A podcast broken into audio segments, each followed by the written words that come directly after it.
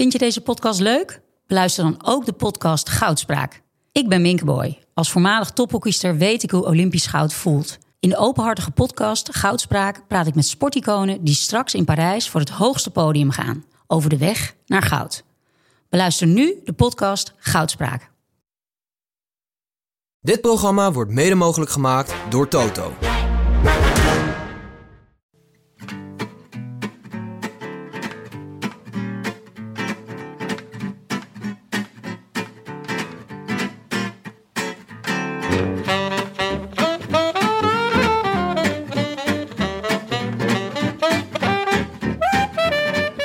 Is donderdag 23 april en live vanuit de Dag en Nacht Studio's in Amsterdam West is dit de Rode Lantaarn, de wielerpodcast van Het is Koers.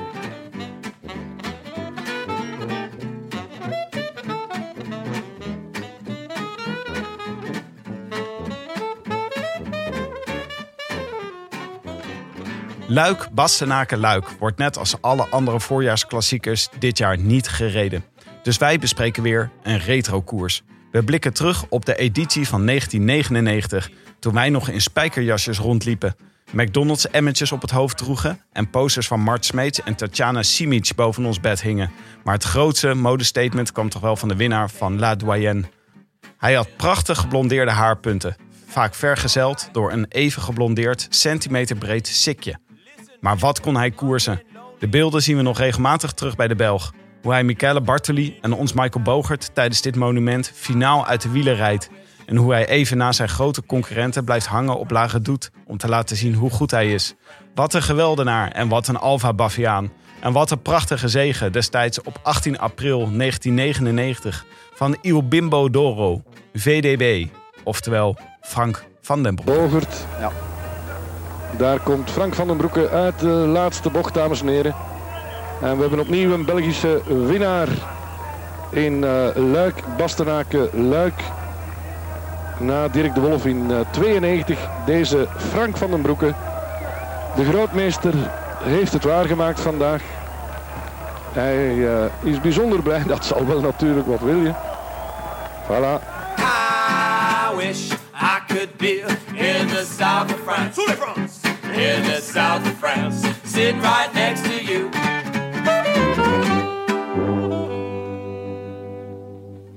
Vrienden, het is nog steeds corona-quarantaine. En uh, zoals elke week tijdens deze quarantaine of social distancing periode vragen we even aan elkaar, hoe gaat het ermee? Jonne, heb je nog steeds hoofdpijn? Nee, nee, uh, eigenlijk niet. Um, dat was ook echt maar eenmalig. Uh, een beetje verkeerde been uit bed of zo toen ter tijd. Maar nee, ik, ik ga helemaal hartstikke heerlijk.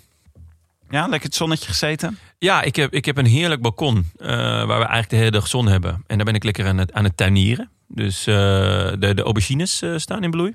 Er komen wat komkommertjes aan. De aubergines staan in bloei? Ja, zeker. Bloeien aubergines? Nou ja, eerst heb je een bloemetje. En dan komt daar langzaamaan komt daar een, een aubergine uit. De ja. vrucht. Niet? Ja. Is er niet. Klopt. Ik zal straks een, zal ik een fotootje delen op onze socials van mijn uh, aubergines. Misschien wel leuk, hè? Ja, dat is een goede Dat ik ook een keer iets doe op de socials. Doe dat maar. Willem, hoe gaat het met jou? Nou, op zich goed. Behalve dat ik, uh, zoals jullie zien, maar de luisteraar niet, maar daarom zeg ik het, hier uh, zit zonder uh, MacBook voor mijn neus. MacBook? Die is gisteren gesneuveld met een, met een, in, een, in een pijnlijk incident met mijn jarige zoon. Oh, jarig ook nog, dus je kon niet boos worden. Nou, ik vloekte wel even. Toen schrok hij even. En toen zei ik, ja, jij kunt er ook niks aan doen, zei ik toen. Maar uh, hij, had een, uh, hij was met zijn ballon aan het, uh, aan het spelen. En allemaal door de kamer aan het rennen en er tegenaan aan het slaan. Wat natuurlijk super leuk is. Ja, dat is wel echt leuk, ja. Behalve dan dat hij de, met de laatste klap de ballon tegen een glas water aan sloeg. Wat die vervolgens omviel over mijn MacBook heen. Dat leek nog even niks aan de hand. Want het was niet heel veel water. En toen wilde ik hem, s'avonds wilde ik hem aanzetten. En toen zat ik uh, ter voorbereiding op deze podcast Luik Bastenaken Luik 1999 te kijken. En uh, Jalabert is het uh, Jalabert in de vroege vlucht was het laatste wat mijn, uh, wat mijn MacBook aan mij toonde. En daarna overleed hij.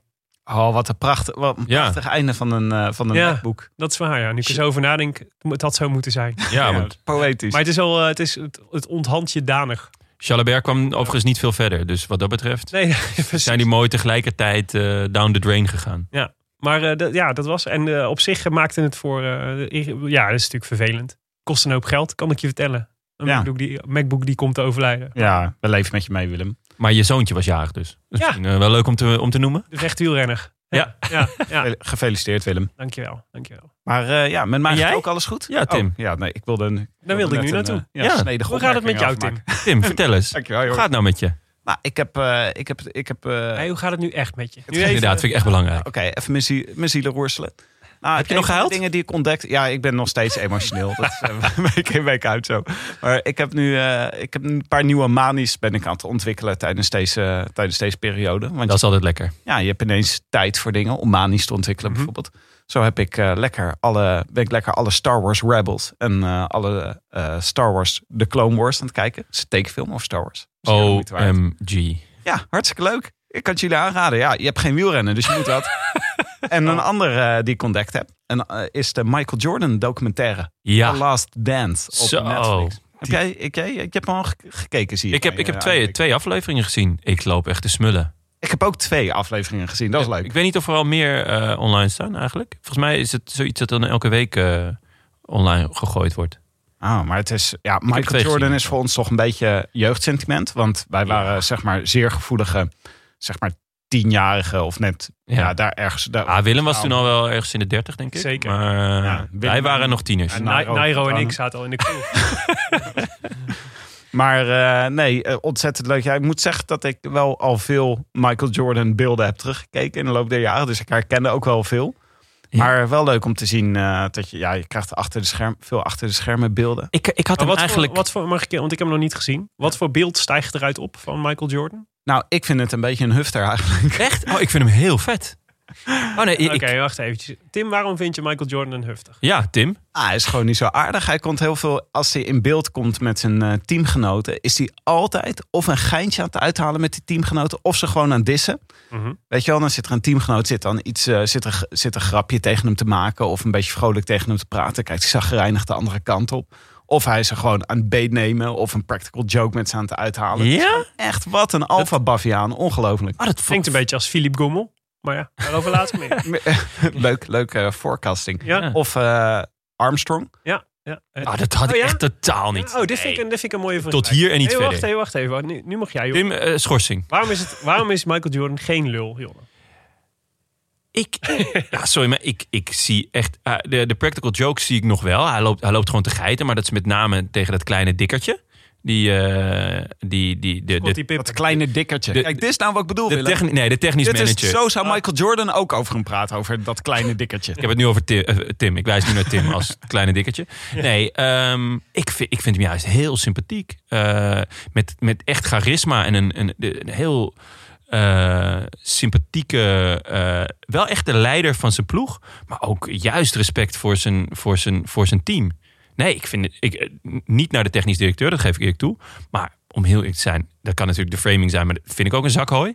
Jerry Cruze. Ja, inderdaad. Maar eh, nee, ik vind het juist een, een, een iemand die, die, die eh, het, het, het sterrendom op een, op een waardige en mooie manier draagt.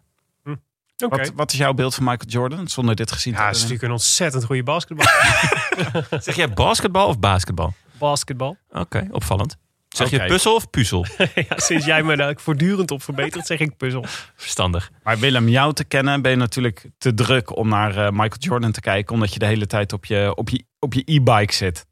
Nee, nee, valt wel mee hoor. Ik heb, eh, ik heb e-bike pech. Naast mijn MacBook heeft ook mijn achterwiel het begeven. Dus, eh, Heeft je zo'n water over je achterwiel nee, nee ik, heb zo'n, ik had zo'n speciaal Zwift, zo'n, zo'n, eh, zo'n Zwift wiel vanuit mijn oude Koga Miata uit eh, 1992 had ik erop gezet.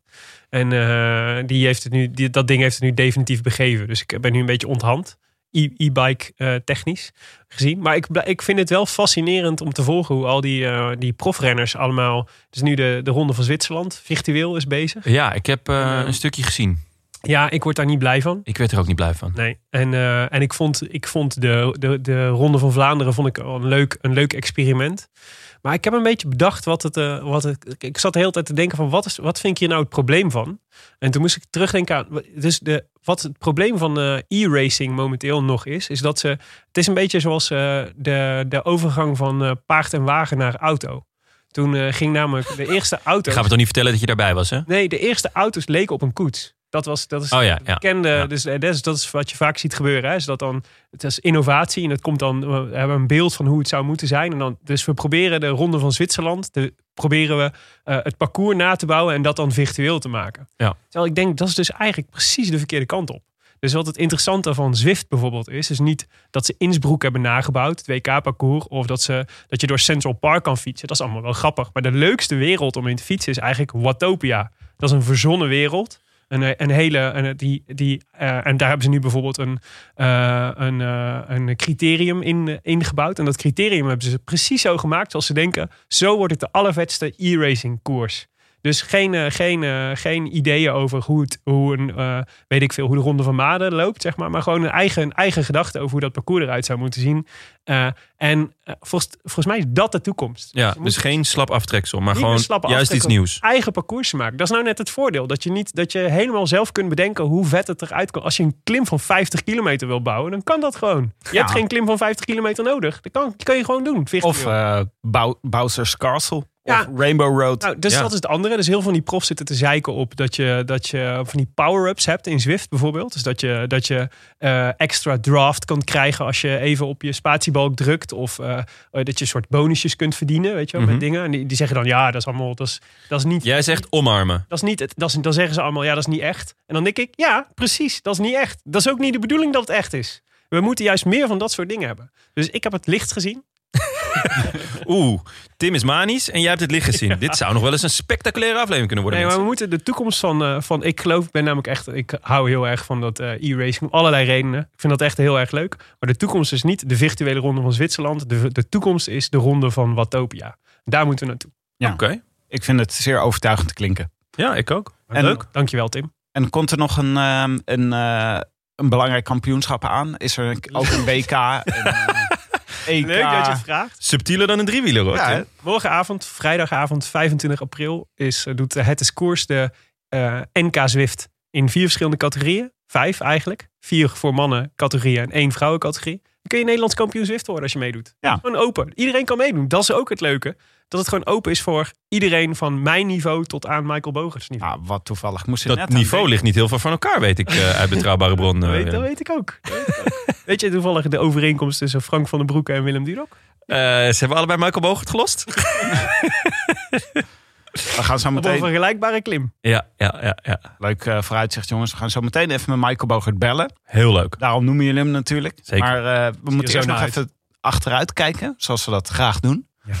Hebben we nog rectificaties? Ja, mag, mag ik de eerste doen? Please. Oh, Mag ik de eerste rectificatie nou doen? ja. Ja? Dat is van eh, Mats de Lange. Beste heren van de Roland Taarn. Als panda's mensen zouden zijn, zouden ze net als Jonne de hele dag op de bank oude wielerkoersen terugkijken. Dat verklaart waarschijnlijk ook zijn bovengemiddelde, bovengemiddelde panda-kennis. Er wordt namelijk wel degelijk gedacht dat panda Wu Wen uit Renen zwanger is. Ik wist het. De kraamkamer wordt in ieder geval gereed gemaakt en haar zwangerschapshormoon stijgt. Even een echo maken bij een panda gaat helaas niet. Dus voor we een lockdown-proof gender reveal party kunnen organiseren, wat een prachtig woord, mag aan elkaar van mij, moeten we nog even wachten. Groetjes, Mats de Lange. En daarbij wil ik ook nog zeggen dat een rode panda ook een panda is. Ehm, ja, dat is waar. Dat vind ik een heel belangrijk element. Want Maar mensen ik, denken vaak. dus over dat jij, eh, dat het, dat het, jij zei het vorige keer dus goed. Dus dat Ja, ik zei het goed, ja. inderdaad de, panda, de, de Nederlandse panda's die zijn eh, Ja, die is- mogelijk zwanger. Ja, die hadden eh, een panda-panda-party gehad. Maar het betekent dus, eh, ze zijn nog steeds van de Chinese overheid. Hè? Dus die kunnen ze zo op elk moment terugroepen. Ja, maar het lijkt me onverstandig als ze eindelijk zwanger zijn... om dan gelijk te zeggen van, joh, eh, get back here. Hoe lang denken jullie dat de draagtijd van een panda? Nou, ik denk een maandje of 15? Wat denk jij, Tim? 24. Oh nee, nee, wacht. Ze komen, ze komen helemaal onderontwikkeld eruit, toch? Eh, dus heel klein komen ze eruit. Ja, dat geldt voor bijna elke soort. Ja, maar de, de bevalling gaat ook heel snel. Nou, ja. Nou, eh, ik, eh, nee, ik, nee, ik houd bij 15. Nou, ik weet niet. Dus je moet, je moet even googlen. Dat meen je niet. is dit? Ja, weet ik veel. Ik dacht, je bent begonnen aan je quiz. Nee, nee, nee. Dit is nog niet de quiz. Ik gok op ehm 16 maanden. Maar ik heb 15 maanden gezegd. Ja, ik gok 16 maanden. Wat is dit voor had ik weet, nee, rattigheid? dan zeg ik wel, oké, dan zeg ik wel 14 maanden. En wat heb jij gezegd, Tim? 24 maanden. Ben je nu- Het is tussen de 95 en 160 dagen. Jezus, moeten we dit zelf gaan omrekenen? Oh, dat is echt veel minder dan... eh, Ja, drie maanden ongeveer. Drie maanden. Ah, drie en man. de oh, dan zijn, komen ze inderdaad erg onderontwikkeld. vijf maanden. Ja, Ja, kan niet anders. Oké, van even nou, hele wat, kleintjes zijn het. weer wat geleerd. Ja, leuk jongens. Ja, we kregen ook een mail van Daniel Herbers. Die schreef... ehm, Willem, je bent dit van je telefoon aan het voorlezen, omdat je nu geen aantekening meer hebt. ja, ja, zielig hè? Dus geef je wat meer tijd hiervoor. Ja, Daniel Herbers, die schreef, eh, die, had, eh, die had het, eh, was het eens met onze lofzang op de Bemelerberg. Hij schrijft, want hij rijdt hem dus elke dag. Want hij werkt bij het, bij het CBS en hij woont daar in de buurt. Dus, dus hij, s ochtends is het zijn klimmetje. Hij rijdt hem dus om zeven uur s ochtends rijdt hij de Bemelerbergen op. Hij maar wat blijkt, hij had een, had een aanvulling. Wat het, wat het jammer is, dus hij zei altijd... door het bosje was het, is het eigenlijk bij de Bemelerberg... altijd alsof je een kool in Frankrijk opdraait. Daarom was hij er altijd een beetje verliefd op. Maar deze winter is het bosje van de Bemelerberg gekapt. Is weg. Jammer voor het gevoel, jammer voor de sfeer, maar goed voor het overzicht. Het is minder alsof je in het buitenland fietst... maar de bochten zijn voor een amateurdaler... zoals eh, Daniel Herbers een stuk veiliger geworden, zegt hij. Maar het is interessant. Ja, Het bosje Dus van de Bemelerberg. dan moeten we even misschien bij zeggen de Bemelerberg uit de Amstel Gold Race. De Bemelerberg uit Amsterdam. Ja. Precies. Ja. Waar je vorige week eh, eh, zo blij mee was, omdat dat een historisch wielermoment was. Ja, absoluut. De mooiste kilometer van het, eh, van het voorjaar. Was het ook weer Kwiatkowski die uit het wiel werd... Nee, die samen met eh Gilbert, Ja. eh, weg. Ja, ja. Ja. Met de versnelling in de versnelling. Ja, Ja. skitterend. Prachtig. Luister hem terug als je dit nog niet gehoord hebt. En we hadden, we hadden nog nog, ja, de Lucas van Neerven hadden we ook nog. Ja, die doet een, ehm, een lofzang op de Waalse pijl. Ja, en, ja, en een interessante vond ik. Want het Ja. is niet zozeer een echte lofzang. Als wel wat, wat zijn analyse is waarom de Waalse pijl... Waar wij zeiden van die Waalse pijl waren een beetje kritisch. Hè? Nee, ja, oké. ja. Maar kritisch in de zin van je moet altijd... Dus die, dat laatste is altijd mooi, weet je wel. Ja. Dus de, de, de beklimming van de muur van Hoei is altijd genieten. Maar alles wat daaraan vooraf gaat, weet je eigenlijk... Ja, het is, uiteindelijk wordt het beslist op de muur van Hoei. Dat, Ja. is, de, dat, is, ja. dat is eigenlijk de Waalspijl. En, eh, en Lucas van Neerven die kwam eigenlijk... Die zei eigenlijk in zijn mail... Ja, maar de Waalspijl is eigenlijk precies wat hij moet zijn... voor een koers op woensdag. Want op woensdag werken me- de meeste mensen. Die hebben helemaal niet, geen tijd om een hele koers te kijken. Dus moet je maar wel eh, even de laatste tien minuten. En de Waalspijl is ideaal voor de woensdagmiddag werkende man of vrouw. Want die kan namelijk, je kunt namelijk, je hoeft die hele koers niet te kijken. Als je gewoon de laatste 10 minuten inschakelt, heb je, het- heb je het hele spektakel in 10 minuten samengevat. Ja, nee, absoluut. Echt En, eh, een, eh, en hij zei dus, anders dan de Brabantse pijl, wat het eigenlijk een veel interessantere wedstrijd is. Maar de Brabantse pijl moet je dus veel langer kijken om het verhaal van de koers te snappen. En hij zei, die onthoud ik dus nooit, die Brabantse pijl, want dan ben ik gewoon aan het werk. Ik vond het een goede. ja, dat laatste... geldt niet voor Jonne. Hè? Dat Nee, laatste, dat Jonne gaat hier onbegrip tonen. Want Nee, die- die- die dat laatste eh, verliest hij me. En dat komt, ik, ik ben eh, namelijk wel eens... Hij is een van de weinige wielerkoersen die, die ik eh, wel eens heb bezocht. Dat is de Brabantse pijl.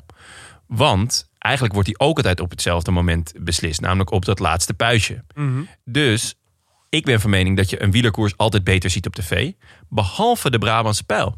Want die wordt toch altijd op hetzelfde mo- moment beslist. En misschien geldt het ook wel voor de Waalse pijl. Ik kan het iedereen aanraden om een keer naar de Brabantse pijl te gaan. Loeien in Leuven. En dan de volgende dag lekker met je brakke kop eh, eh, langs de kant staan. Echt schitterend. Oké, nou mooi. Akkoord. Tijd voor een natje. Ja. Tim. ja, laten we een natje even uitstellen tot zometeen. Want Nee, eh, ik heb we echt gaan- dorst, man. Ja, gewoon even, gewoon even uitzingen, Jon. Dat is ook goed voor je een keer. Zuur. Maar we gaan zo meteen met Michael Bogert bellen. En eh, die gaat ons een natje aanraden. Dus dan komen we daar zo meteen op terug. Oké, nou dan moeten we misschien even naar de sponsor. We zijn uitermate in ons nopjes dat BBB Cycling, producent van meer dan 15.000 verschillende wieleronderdelen, tijdens het wielervoorjaar van 2020 onze sponsor is. Wij vroegen de specialisten van BBB Cycling wat ze ons adviseren, mochten wij ook luik passen luik willen rijden. Misschien wel de zwaarste eendagse race.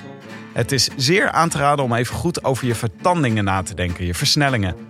De meeste mensen rijden rond met 50-34 voor en een 11-30 cassette achter. Dat voldoet op zich, maar de renners uit het profpeloton zullen 53-39 rijden. En waarschijnlijk met een 11-27 of 11-30 cassette.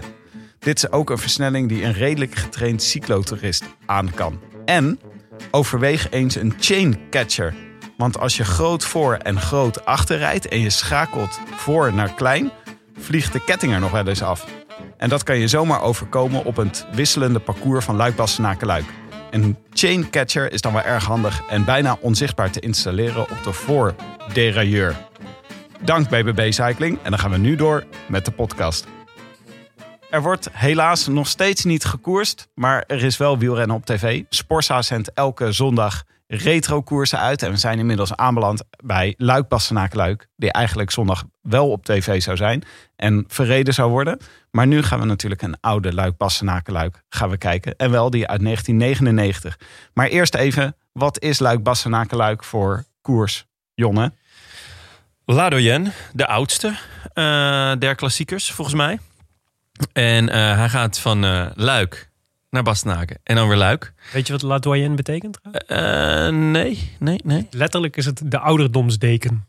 Oh, Ja. mooi. Ik weet niet zo goed wat een ouderdomsdeken is. Ik stel me erbij voor zo'n pleetje wat oude mensen in een bejaardenhuis over hun benen leggen. Ja, zou, Zou of dat een ouderdomsdeken zijn? Ik denk dat Beetje het meer stoffig iets overdrachtelijks is. De ouderdomsdeken die over het... Oké, maar dit is om even te benadrukken hoe oud hij is. hij is vernoemd naar de ouderdomsdeken. Ik ben dan wel, ik vraag me af vanaf wanneer wordt hij dan ineens zo genoemd? Ik bedoel, dat zal niet vanaf het, de tweede keer dat hij gereden wordt van nou, La Doyenne hoor Gewoon vandaag. beginnen daarmee. Oh jongens. Wij noemen de Rode Lantaarn ook al vanaf het begin af aan historisch. Ja, dat is wel waar. En terecht ook. Oh nee, we zijn te veel in onszelf gaan geloven trouwens. Jongens, even focus nu. Nee, eh, Luik, eh Basnaken en dan eh, weer naar Luik. Ehm, met eh, be- veel beklimmingen, waaronder La Redoute Ja. En eh, de Saint-Michel en Saint-Nicolas. Saint-Nicolas en de eh, Roche au Faucon. Mhm. Zeg ik dat zo goed? Ja. Zeg ik Ja. het mooi? Mooi. Mooi. Ehm, en in- momenteel is het eh, de afsluiter van, van überhaupt het voorjaar. Eh, dus de, de, de, de, de beëindiging van de Waalse Week. Van het eh, drieluik met ehm, eh, de Amstel Gold, die natuurlijk Nederlands is, maar dan de, de, de Waalse Pijl en dan eh Luik. Maar toen in 1999 eh, was de kalender nog iets anders, geloof ik. Ja. En kwam Amstel na Luik Bastenaken. ja, ik weet niet zo heel goed wanneer ze dat veranderd hebben, maar eh prachtig koers. Ja. Ja, is het, een van je, is het wel, toch wel een van je favorieten? Eh, ja, zeker door ehm, de status die die heeft. Ehm, veel renners zien dit toch wel, zeker als je de, de, de renners met een punch, eh, voor hun is dit wel het hoogst haalbare. En, en dat maakt dat er veel mooie renners aan de start staan. Je hebt altijd gewoon eh, de, de, de klassieker mannen, de, de echte kobbelers, die haken al af. Maar eh, dus de puncheurs en dergelijke. Maar ook de klassementsmannen slaan hem zelden over, weet je wel. Dus Ja, de, leuk de Nibali's en de Yates van deze wereld, die, die rijden meestal bijna geen klassieker. En dan toch altijd wel luikbas naar luik. Dus je weet gewoon dat er een, een, in ieder geval een heel sterk deelnemersveld staat. Eh, en dat maakt hem, eh, maakt hem echt schitterend. Ik associeer hem toch echt altijd een beetje met Michael Bogert. Omdat hij heel vaak goed was in deze koers. Het Mhm. is echt een koers die hem goed lag. Ja, En vorig jaar heeft... ehm, eh, was het vorig jaar Vogelsang? Ja zeker. Ja, ja, ja. Ja. En het jaar ervoor, eh, Young met Bubbles. Eh, met het eh, gekke wielslipje had hij toen. Weet je, Oh ja. in de afdaling. Oeh, ja. Ja, dat is toen. Wat is je, maar ja, dat is Young Bubbles. Wat is jouw, wat is, als ik Luik wat is jouw beeld van Luik? Wat meteen in je hoofd schiet als je aan die koers denkt? Ah, V- Valverde en Bogert. Dat zijn eigenlijk twee mensen aan wie je denkt Mhm. dat die in beeld rijden op Ja. dat moment. Omdat, eh, omdat je die gewoon heel veel vooraan hebt gezien. Ja. Valverde Ja. de laatste jaren. Nou ja, de laatste 25 jaar. ja. En Bogert, die was, eh, die was gewoon altijd Nederlands hoop hierin. En jij Willem? Nou, Wout Poels ook wel. Het is Ah, de ja, overwinning ja. van Poels. Omdat dat natuurlijk echt zo, eh, zo uit het niet... Ja, dat voelde bijna een soort uit het niets. 2016. Ja, dus dat was in de periode dat we het soort heel lang hadden moeten wachten op, eh, op een klassieke zege weer, zeg maar. Van, en dat Terpstra toen in, eh, in Vlaanderen en Roubaix goed was. En dat we er toen in één keer Poels als soort van toetje bij kregen. Ja, die, dan, ja. die dan in één keer Luik Bastenaken Luik won. Dus dat vond ik wel, eh, die, is me, die zal me ook wel altijd bijblijven. En Bob Jongels natuurlijk ook. Die vond ik ook heel tof. En eh, we gaan het nu dus hebben over de editie uit 1999. Want Sporza gaat dan een week van tevoren eh, een polltje plaatsen op de website. Ja, Om te stemmen eh, op welke koers je kan kijken. Wij hadden van tevoren al besloten dat het de versie van 1999 zou worden. Maar het werd nog heel close. ja en ik dacht, ik dacht echt, eh, die gaat met, met, met, grote afstand winnen. Omdat het volgens mij in ieder geval de meest besproken... en, en misschien wel een van de meest herhaalde fragmenten op de Belgische televisie is. die eh, van Van de Broeken, waar we het later uitgebreid over gaan hebben.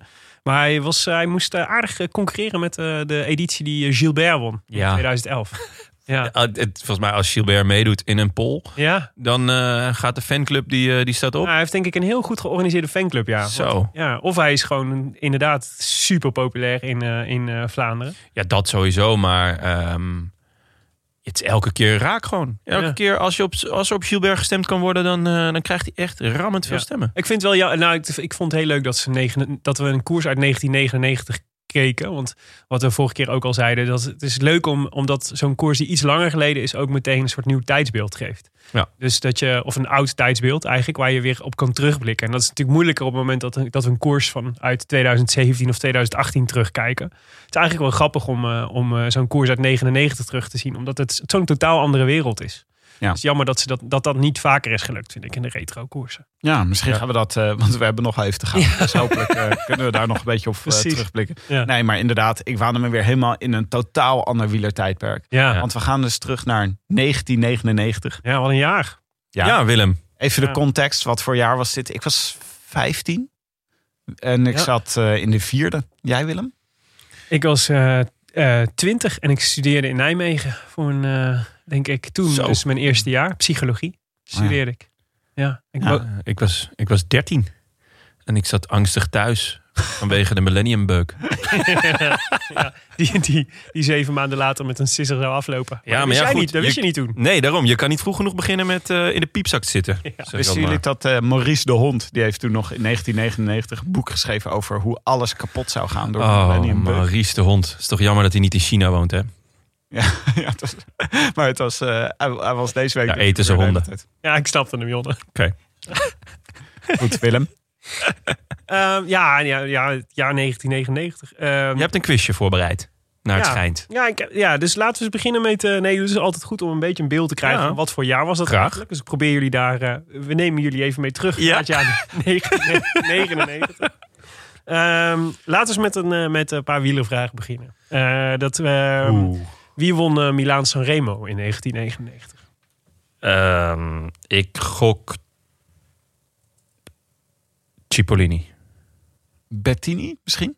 Andrei Schmiel, Schmiel. Won die ook niet? De man zonder Bel- nationaliteit. Belgische Moldavier. De Belgische Moldavië. Maar hij is ook nog Oe- Oekraïner geweest, toch? Zou kunnen, weet ik Hij is van alles geweest. Hij was dat ook bij eh, Lance Armstrong. In eh, de week, eh, de week voor, het is Michael Bogert hoorde ik deze week in, eh, in, eh, bij, de, bij de Lance podcast terugblik op de Amstel Gold Race. Maar André Schmiel zat de, week, zat de week ervoor. Dus als je heimwee hebt naar Schmiel, dan moet je die even luisteren. Leuk.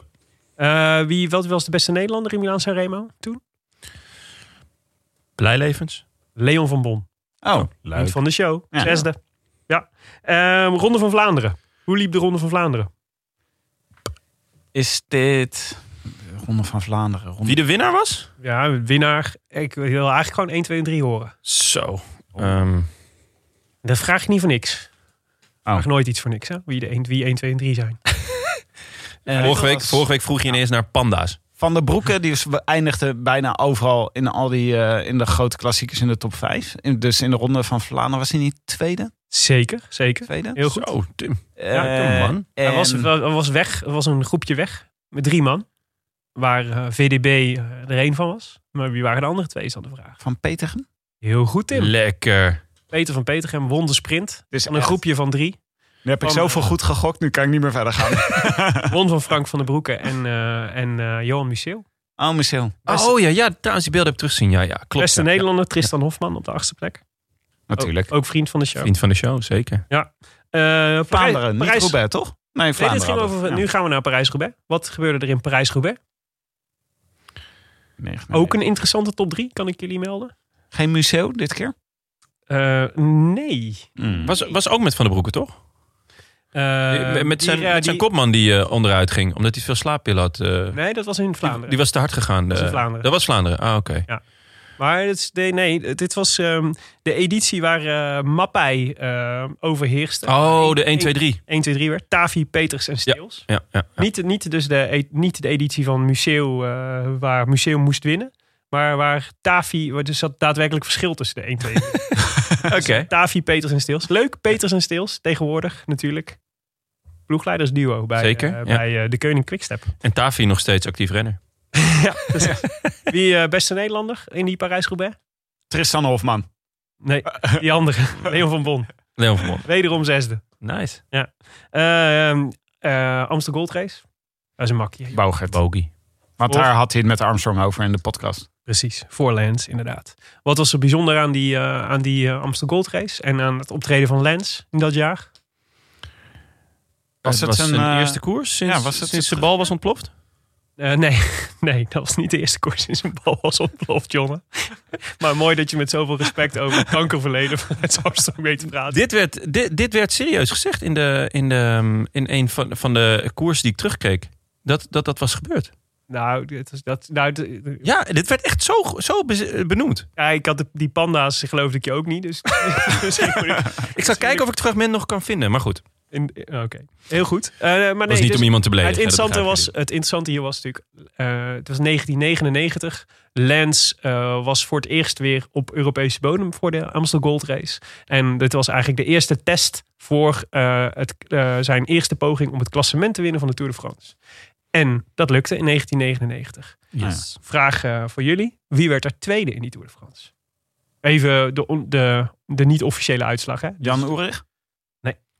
Eh, Tsule? Heel goed. Wat was zijn achterstand van Alex Sule? Zeven minuten nog iets. Heel goed, Jonne. 7 minuten 37. Ja. Absurde achterstand. Waarom weet je dat nog?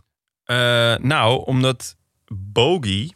eh, ik heb natuurlijk wat research gedaan. eh Bogert reed een heel slechte Tour. En ik vroeg me af waarom dat nou was. 48 of zo werd hij toch? Ja, 56, zoiets iets in die trant. En ehm, dat kwam, er was een, eh, ze gingen over een passage naar dat, naar dat eiland in Frankrijk aan de kust. Dat dan af en toe bij, bij vloed staat het onder water. Ja, die is heel glad altijd. Ja, en daar ging ze op, op een snuffert. En daar lag hij bij. Ja, maar daar lag Sule ook bij. Mhm. En Ja, Sule, als er ergens gevallen werd, dan lag Sule erbij. ja, maar Sule heeft zich dus nog... eh, want ik vond het heel opvallend. En toen ging ik kijken en toen inderdaad Sule tweede. Ja, dus... eh, Mooi hè, die, dis- die discussie over eh Tsule doet eigenlijk heel erg denken aan wat we nu iedere keer over eh, Van Aert en Van de Poel hebben. Namelijk, Tsule was namelijk ook een halve Nederlander. Ja. Ja. Eh, wie werd de derde, weet je dat ook nog in die Tour? Fernando Escartin. ah, Oh, mooi. 10 minuten. Ja. Eh, wie beste Nederlander? Michael Bogert. Maar dus op hoeveel, hoeveel achterstand van Armstrong kwam die Nou, volgens mij werd hij 56ste, maar eh, 56ste op 1 uur 42 minuten. Schappelijk. Hadden we dit jaar in 1999 een etappezege als Nederland? Nee. Geen etappezege. Het was een treurige tour voor Nederland. De Belgen hadden iets meer succes. Even voor de Belgische luisteraars. Hè. Die vinden dit ook mooi. Tom Steels won namelijk een rit. Wie was de tweede Belg die een eh, etappe won? Ik denk dat ik hem weet. Nou, kom maar. Was het Ludo Dierksens? Ludo. Ja, natuurlijk wel. In zijn lampere outfit. Ja, ja, ja, ja, ja. ja. Oh, heerlijk. Ja. Nee, Groot dus, fan was ehm, ik altijd van Ludo Dierksens. ja. En Bakstedt. Dus dat was eh, de, ja. Misschien, eh, Ah, als Dierksens, het is, Dierksen en Bakstedt, dat is toch wel echt een lekker duo om mee op stap te gaan. Ja, maar het is, Eh, pils kijk, hakken. Bakstedt vind ik tot daar aan toe. Dit is, ik denk wel dat het onmogelijk is om niet van Ludo Dierksens te houden. Toch? Ja. Mij, mij lijkt het nog fantastisch als Hilaire van der Schuur een keer samen met eh, Ludo Dirksens in een ploegleidersauto belandt. Oh, dat zou echt Dan, gek zijn. dan koop ik de hele fanshop leeg. Eh, het was ook het jaar dat Steffi Graaf stopte, stopte met tennis. Ah, schade. ja. Ehm, de Champions League finale. 1999. Eh, Legendary. Manchester United tegen Bayern. Manchester Ja, United. met Solskjaer.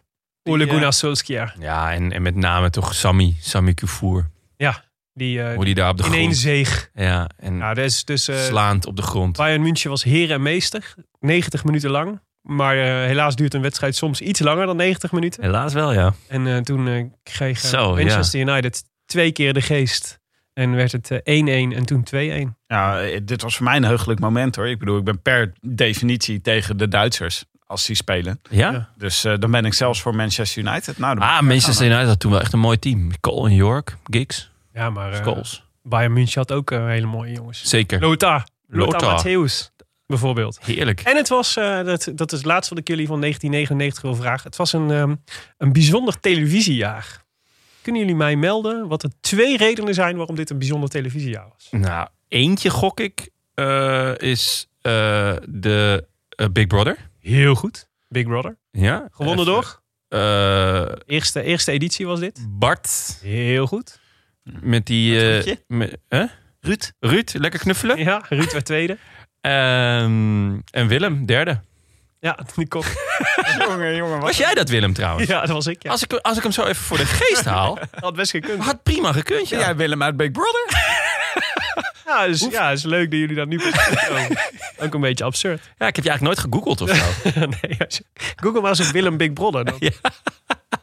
En kijken wat je dan tegenkomt. Ja, dat jij maar achter de, me de tweede, er is nog een tweede eh, televisiehoogtepunt in 1999. Poeh. ehm 19, eh, Misschien wel achteraf met eh, nou in ieder geval een, eh, een langer lopende serie dan, eh, dan eh, Big Brother. 99. Utopia? Nee, de Gouden Kooi. Nee, Buren. Buren? Oh, echt? Nee, nee, nee. Oh. Het is, eh, de eerste editie van eh, Wie is de Mol werd opgenomen. Oh, Ja? in België of in Nederland? In, eh, in eh, Nederland. De eerste En? Wie is de Mol. Wie was de In- mol? In Australië. Nee, dat weet ik niet meer. Want het Willem. was het nog met onbekende Nederlanders. Oh. Dus waarschijnlijk Willem uit Big Brother. ja. Hey, was ik ook de mol. ja. ja. Ja. Toch Ja, nog een dierenvraag. Leuk. toch nog een dierenvraag. Ja. Ja. Nog eentje terug. Eh, zijn in 1999 twee eh, wereldleiders aan impeachment ontsnapt. Ja, eentje weet ik wel, denk ik. Nou. Jeltsin? Ja. Ja. mooi dat Jonne als eerste als Jeltsin eh, over Jeltsin begint. Jij moest waarschijnlijk als eerste denken, Willem, aan ja, Clinton. Clinton. Ja, maar Oh, van, ja. eh, nee, ik moest eerlijk gezegd moest ik denken aan eh ehm, 99 was ook eh, Poetin aan de macht. Kwam Poetin aan de macht. Die Ja. werd door Yeltsin tot premier benoemd. Mhm. Nou, dan even de, dan hebben we mooi de context van dit jaar. Ja, nee, ja, ja, ja, zeker. 99 dus. Oké, laten we even dan inzoomen op eh, ergens in april. Ja, in eh, 1999, namelijk Luik Luik. Ja. En eh, dit was echt al de tijd dat ik veel eh, wielrennen keek. Mhm. Dus ehm, ik was toen 15, maar het maakte niks uit. Gewoon wielrennen kijken. Mijn vader zat altijd voor de televisie. Scheid hebben we uren kijken. Maar je had een, eh, een eh, vroege vlucht die 150 kilometer voorop zat. En eh Sporza za- schakelde in toen de vlucht werd eh, t- vlak nadat de vlucht werd teruggepakt. Dus dat vind ik altijd zo lullig. Ja. Dan net, begint niet, de net uitzending. niet de tv heb je 150 kilometer voorop gereden en nog niet op tv gekomen. ja. Letterlijk de reden waarom ze die vlucht zijn begonnen waarschijnlijk. Om op televisie te komen. Ja. En Sporza begon gewoon met het uitzenden, zoals gebruikelijk. Met interviews van eh, de Vlaamse favorieten in de koers. ja. En eh, veel eh, Frank van der Broeke. Ja. Laten Misschien wel gelijk het hoogtepunt, hè, die in, dat interview. Ja, laten we het zo. eh, we, gaan zo Gaan het meteen, eh, we gaan zo meteen inzoomen en uitgebreid terugblikken op deze race. Maar even het koersverloop. We zien eh, als we inschakelen Jalabert voorop liggen samen met eh Garcelli. Dat weet ik niet meer. Ja, Zit met wel. iemand vast. Dat zou goed Ja. kunnen. Maar Ja. Jalabert is een Franse kampioenstrui en zijn onze, onze broek. Geweldig, ja. En eh, als hij al zo vroeg weg is, dan denk je, nou, zal toch wel niet heel goed zijn. Maar het is wel, wel leuk dat hij daar al reed en daar al een aanval reed. Ja. Eh, hij demareert om 90 kilometer van de finish en wordt pas op 50 kilometer van de finish wordt hij ingehaald. Dan eh, komt La Redoute. Ja. Een eh, historische beklimming natuurlijk, maar ligt vaak net iets te ver van de finish af om daar echt het verschil te maken. Nu ook hè. Ja. Nu ook. Maar het is, de, de beelden zijn natuurlijk fantastisch, want we zien Bartoli zien we aanvallen. Ja. Eh, nou, we zien eigenlijk een fantastische Van der Broeke en een fantastische Bartoli. En Bogert mag ook met het spel meedoen. Dat is wat we eigenlijk zien op, eh, op tv. Want Bogert ook ontzettend. Ja, ik wou net zeggen. maar ja, die doet Bartoli volle is bak de mee. eerste die, eh, die gaat. En die had eh, de woensdag daarvoor had hij de Waalspel gewonnen. En die was de Ja. grote man in vorm. En Ja. eh, iedereen keek naar hem. En had het jaar ervoor Van de Broeken er afgereden op Op die plek, ja. Ja, in prachtige mappai kleuren. Fantastisch eh tenue. En aanvallen, echt keihard aanvallen. En eh, Van der Broeke, zo goed. Die gaat er gewoon naast fietsen. Ja. ja. Dat zijn prachtige beelden. En eh gaat Het was daar naar echt, zelf. echt een statement maken. Ja. Van, ik ga even naast je fietsen, ik ga even naar je kijken. En dan ga ik gewoon daaroverheen. Ja, en dit zijn dus echt beroemd geworden beelden. Daarover zometeen meer. Eh, van, de, van de Broeke die komt gewoon alleen voorop te zitten. Maar laat zich gewoon weer afzakken. Want hij vindt het allemaal een beetje te vroeg. Of hij, eh, ja, of hij heeft gewoon op dat moment denkt hij... ik heb eh, even nu de benen niet. Maar En ook Ja. heel mooi hoe hij zich laat afzakken. Hè. Dus hij, hij, het is echt demonstratief wat hij Ja. ja, ja, ja, ja. Dus hij, hij laat zich afzakken en hij zakt helemaal tot het einde. van- Het is gewoon tergend langzaam laat hij zich zo afzakken tot het einde van die groep. Iedereen kijkt die even aan van wat voor schade die heeft aangericht. Het is echt eh, duivels. Nou ja, ik vind dit, dit soort theatrale dingetjes... dat vind ik echt het Het is wel jou besteed, hè? Ja, dit vind ik echt het Dat vind ik ook allerleukste. schitterend. Jullie weten, mijn favoriete aanvallen zijn de aanvallen die je het best, waar je het best Vangelis onder kan zetten. Ja. En dat was ook. Hij komt bij Van den Broek eigenlijk altijd. Ja, de tweede belangrijke beklimming in, eh, in, eh, eh Luik, is natuurlijk de Saint-Nicolas. Dat Ja. is altijd een, een, een, een, echt een scherprechter. Eh, Bettini, die gaat als eerste. Dat is eigenlijk hier de adjudant van Bartoli. Ja, wordt Eh, later heel goed. Ook Ja, nog. Nog veel beter gaat, eigenlijk. Gaat ontzettend veel winnen. Eh Bogert, echt supergoed, haalt Bettini terug. Ja. Rijdt er gewoon naartoe. Eh, maar eh eh, Bogert komt even voorop te zitten. En nou ja, even ziet het er toch prachtig uit in zijn Nederlandse kampioenstrui. We hebben veel rood-wit-blauw dus voorop zien rijden tijdens deze koers. Jalabert en Bogert in de nationale kampioenstruien. Maar Van der Broeke is nog een klasse beter. En die rijdt, die rijdt naar Bogert toe. En die rijdt keihard met werkelijk piepende banden rijdt gewoon weg bij Bogert. Ja, En eh, nou, dan op is een het gigantisch verzet ook. Echt een grote plaat. echt een ontzettend grote plaat. Ongeveer vijf kilometer is er dan nog te gaan. Ja. En eh, nou, dat doet hij vrij eh, soepel. Rijdt hij naar de finish. Ja, terwijl Bogert ook echt niet zachtjes rijdt. Dat Nee. zie je ook zeg maar in, elke, in elk beeld. Nou, hij blijft ook gewoon eh, voor de rest, hè? En daarachter, eh, dus, dus, de, dus eh, de van, van de Broeke wint hem. De, de, de, het Luik Bastenaken. Ja, Maar Bogert blijft wel de rest, de rest voor. ja, dus Bogert komt 30 seconden later binnen als tweede. Daarna Maarten den Bakker, ook van Rabobank. Ja, Derde op eh, 41 seconden. Nou, en dan krijg je daarna, eh, komt Bartoli binnen. Die eh, blijkbaar toch eh, zijn dag niet had. En zijn favoriete rol niet helemaal waar kon maken. Bettini. Nicky Abersold, ook van Rabobank. Nummer 6. Nummer 7, ook was- van Rabobank. die was ik echt alweer vergeten. Dat Ebersold bij eh, Rabobank Ja, die eh, naam zei mij ook Ja. heel weinig. Terwijl als je, wat is het, vijfde kunt worden in, eh in Luik Bastenaken Luik. Kun je Oh ja, ik kon me die naam nog wel herinneren. Maar ik moest wel Ja, opzoeken wat er gebeurd is. Die is gestopt terwijl hij bij Fonac reed. Nou ja, daar kan je iets bij voorstellen. Eh, Marcus Seberg, eh, zevende. Ook van Rabobank. Eh, Ja. Oscar Kamenziend, volgende Zwitser. Dus ook een rijtje Zwitsers zeg. Van Lampre, achtste. Eh, die reed in de Wereldkampioen. Ja, was een wereldkampioen. Ja. Udo Bolt en eh, Laurent Roux, eh, tiende. Vier man van de Rabo in de top, eh, top 10. Ja, Ja. Dat is niet mis. wat. Misschien moeten we even bellen met iemand van de Rabo.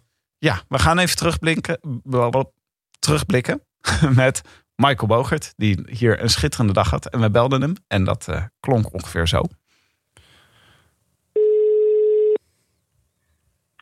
Michael.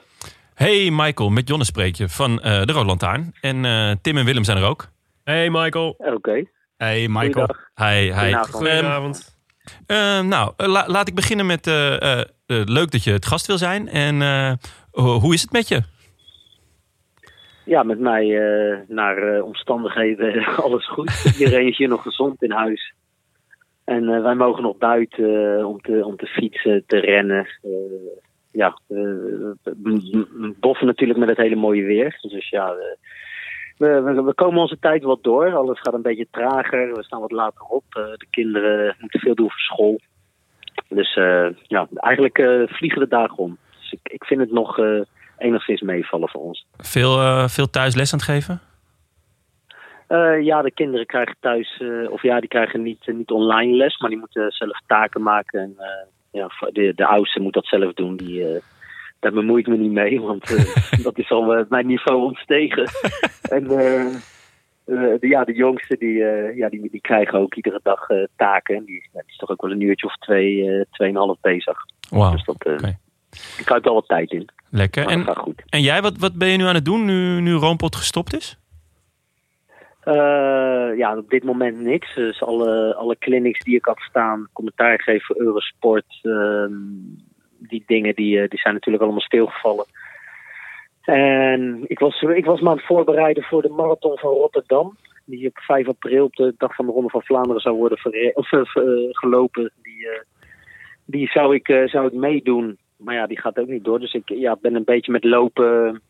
Ik, ik loop nog wel, maar niet meer zo eh, fanatiek als een, eh, was een dikke maand geleden. Ik had toen net eh, de City Pier City run gedaan in Den Haag. De halve marathon. Dus ik was goed in vorm. Wat was je tijd?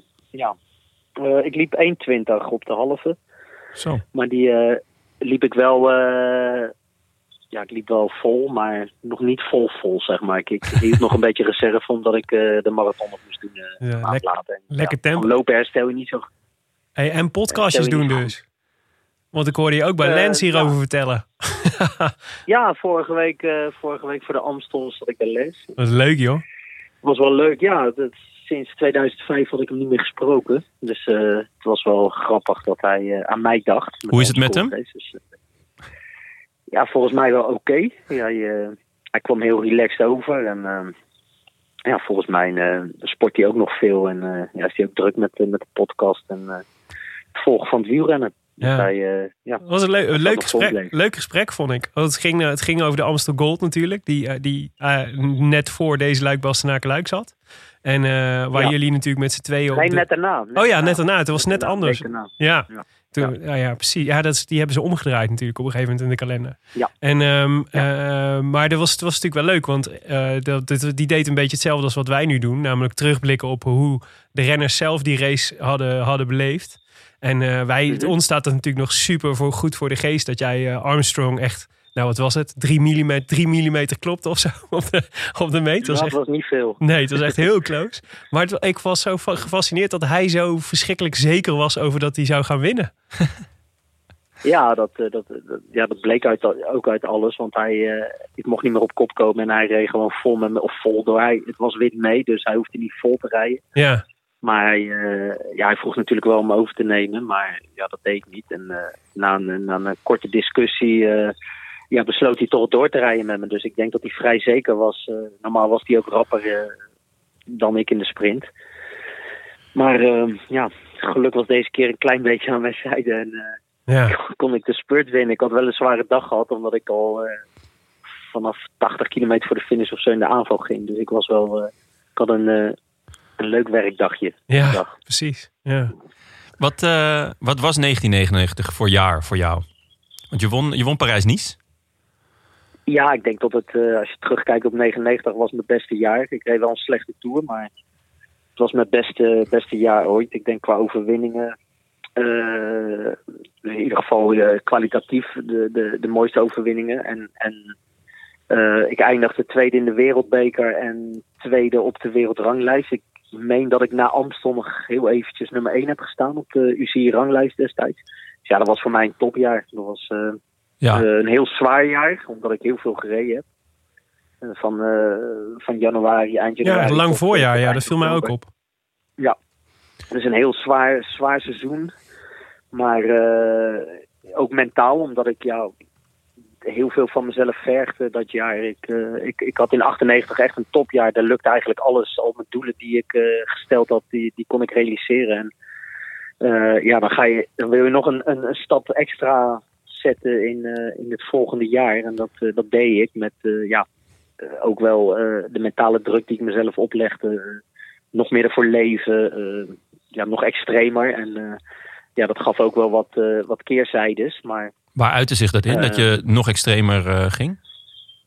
nou, ik was wel. Ik, ik denk dat ik toen dat jaar niet heel prettig in de omgang was. Eh, ik was heel gestrest omdat ik eh, ja, nog beter wilde. Dus ja, ik, ik ging ook veel meer op mijn eten letten. Ja, wat, wat ook niet altijd eh, prettig is, omdat je. Ja, ik had vaak honger. dus ja, dat komt, dat komt in Hangry. toestand ook niet, niet ten goede. Je werd er niet gezelliger op. Ik werd, nee, ik werd een beetje een vervelend mannetje, omdat ik, eh, ja, ik, eh, ik, ik, ik, fietste alleen maar eigenlijk. Ik trainde en ik, eh, ik lag op bed en ik, eh, ik, voor de rest kwam er weinig uit mijn, eh, uit mijn handen. dus dat, ja, dat, dat, dat sportief was het een heel, heel mooi jaar, en, maar, maar ja, me- mentaal was het zwaar. Hey, Luik, Bastenaken, Luik. Wat, wat betekende die koers voor jou? ja, Luik was voor mij de koers. Op dat moment had ik, was ik nog altijd in de overtuiging dat, dat Luik de zwaarste koers eh, was. De zwaarste eendagskoers. Eh, zeker qua parcours. En eh, ja, die, die, die wilde ik gewoon graag, graag winnen. Ik, het was een lange koers. vaak slecht weer in die tijd nog. En ja, dat, dat sprak mij heel erg aan. En vooral het- de, de, de zwaarte van de koers. Dat, ja, dat eigenlijk vanzelf de, de beste mannen van die dag kwamen bovendrijven. Later, later eh, ik bedoel, Lombardij is ook een heel zwaar parcours, maar ja, zat je op een ander moment in het jaar dat vaak veel renners eh, uitgerangeerd waren. Ehm, eh, later heb ik nog wel Vlaanderen gereden en toen kwam ik er toch wel achter dat, als je echt puur naar de koers kijkt, voor mij was Vlaanderen eigenlijk zwaarder achteraf gezien. En dat, dat begreep ik op dat moment in 99, eh, wist ik dat nog niet. Maar eh, na mijn carrière kwam ik wel tot de conclusie dat, eh, dat ik Vlaanderen eigenlijk de zwaarste koers vond om, om te rijden. Maar op dat moment vond ik Luik nog de zwaarste. En ja, die wilde ik gewoon per se winnen. Ik vond het de mooiste koers. En, en voelt het als een soort smet dat het uiteindelijk twee keer net niet gelukt is? Mm, Ja, ik vind het wel jammer dat het in 2004 niet gelukt is. In 99 denk ik dat ik er weinig aan kon doen. En ja, 2004 was ik top. Beter nog dan in, tweede, of in 99, denk ik. En eh, ja, toen, toen had ik ook in 99 had ik nog geen lichte fiets. Ik reed denk ik met een fiets die een kilo zwaarder was dan Van de Broeken. En eh, in, in, in 2004 kreeg ik na de Amsterdam Gold Race kreeg ik wel een, eh, een, lichte fiets van Conago opgestuurd. Met, met Oh, super sonische wielen van eh super wielen van Shimano met keramische lagers. licht. Ik reed echt op een topfietsje. Voor het eerst in mijn leven Was ik toch, wel- was ik toch wel aardig ver, ver in mijn carrière. Eh, Ja, want in, die, in de ehm, finale die fiets Ja. van, van Van de Broeken van, uit 99, daar was veel om te doen hè, van tevoren. 300.000 ja, frank, dat was, zei ze. Ja, Ja, ja, ja, het was een lichte fiets, maar had ook die speciale wielen van. eh dat was van een Nederlander die, die fabriceerde die wielen, Kees Beers. En eh, ik wilde ook met die wielen rijden. En ik had toestemming gevraagd aan Jan Raas, destijds manager van Rabo. En eh, ja, we hadden een, een, een, een wielensponsor. En eh, ja, met, ik, ik kon hemel, hemel nog aarde, of hemel en aarde bewegen, maar ik kreeg het niet voor elkaar om met die wielen te mogen starten. Dus eh, ik heb dat ook niet gedaan. dat meen je niet. Gewoon door een Nederlandse maker, maker gewoon eh, genaaid. Ja, ja, ja. Ik wilde ze zelf kopen en dat maakt allemaal niks uit. Maar eh, nee, ik mocht er niet meer rijden. En, eh, ja, achteraf denk ik niet dat het veel verschil had gemaakt. Ik, eh, ik had misschien bij Van der Broeke kunnen blijven, maar ik had hem nooit kunnen kloppen in de spurt. En 2004 reed ik dus wel de lichte fiets. Alleen toen, eh, ja, eh, vlak voor Sint-Nicolas reed ik door een gat en reed allebei mijn wielen kapot. En toen moest ik, eh, moest ik nog van fiets wisselen. Dus dat, eh, toen moest ik wel weer terug op een zware fiets. En ja, het kostte me ook wel wat energie om, om terug te keren. Ik kon nog wel demereren op Sint-Nicolas. Maar eh, ik kreeg Rebelline en Fine Koegels er niet af. En dat, ja, dat is wel mijn grootst gemiste kans om, eh, om Luik te winnen dat, eh, dat jaar. Ja, dit, dat, is, dat voelt meer als gemiste kans dan in 99. Ja, ja, ja. 99 eh, was ik wel heel goed hoor. dus dat was, ik, ik ga niet zeggen dat ik, dat ik net even iets minder was. Ik denk dat ik een van mijn, ja, die zat in de top vijf van mijn beste dagen ooit in mijn carrière. En zo voelde het in ieder geval. En ik kon die dag heel veel en ik kon me ook rustig houden. En ik kon demereren op Sint-Nicolas. Alleen, eh, eh, ja, Van de Broeken, die, eh, toen hij mij voorbij ging op Sint-Nicolas eh, kon ik gewoon mijn tempo houden. Ik viel niet stil of niks. Ik, ik kon alleen niet harder. Ik reed maximaal. En ja, als je nu de beelden terug, terug ziet, ja, dan zie je ook wel dat hij volledig achter de motoren, Ja. de motoren reden voor hem, naast hem, achter hem. Ik, ik, hij zat nog net niet achterop. Nee. Eh, ja, ik denk dat, dat nu, als je dat nu, als je in deze tijd eh, zulke beelden voorgeschoteld krijgt, dan, eh, ja, dan, dan scheelt iedereen moord en brand. Ja, in die tijd wa- was men daar nog niet zo mee bezig. Maar ik denk dat dat zeker mee heeft gespeeld. Nogmaals, ik denk met een lichte fiets en niet die motoren dat ik hem misschien had kunnen volgen. Maar ik had hem nooit, nooit geklopt in de spurt. Nooit, never nooit. Was Dus er, dat, eh, is er wel een moment geweest Ja. tijdens, tijdens die koers dat je dacht, ik ga hem gewoon pakken? Ja, zeker. Ik, eh, we draaiden Sint-Nicolas op en eh, het was een grote groep nog, een man of twintig denk ik. En we zaten met vijf man mee van Rabo. En eigenlijk voor, tussen, voor Sartillman werd er, eh, die Klimbatief, werd er best wel aangevallen. En, en ja, ze hadden wel altijd wel iemand mee. Ik, heb zelf ook gesprongen. Maar toen, eh, toen, toen zette Van de Broek Peter Varensijn op kop. En toen werd het een hele gecontroleerde koers tot aan Sint-Nicolas.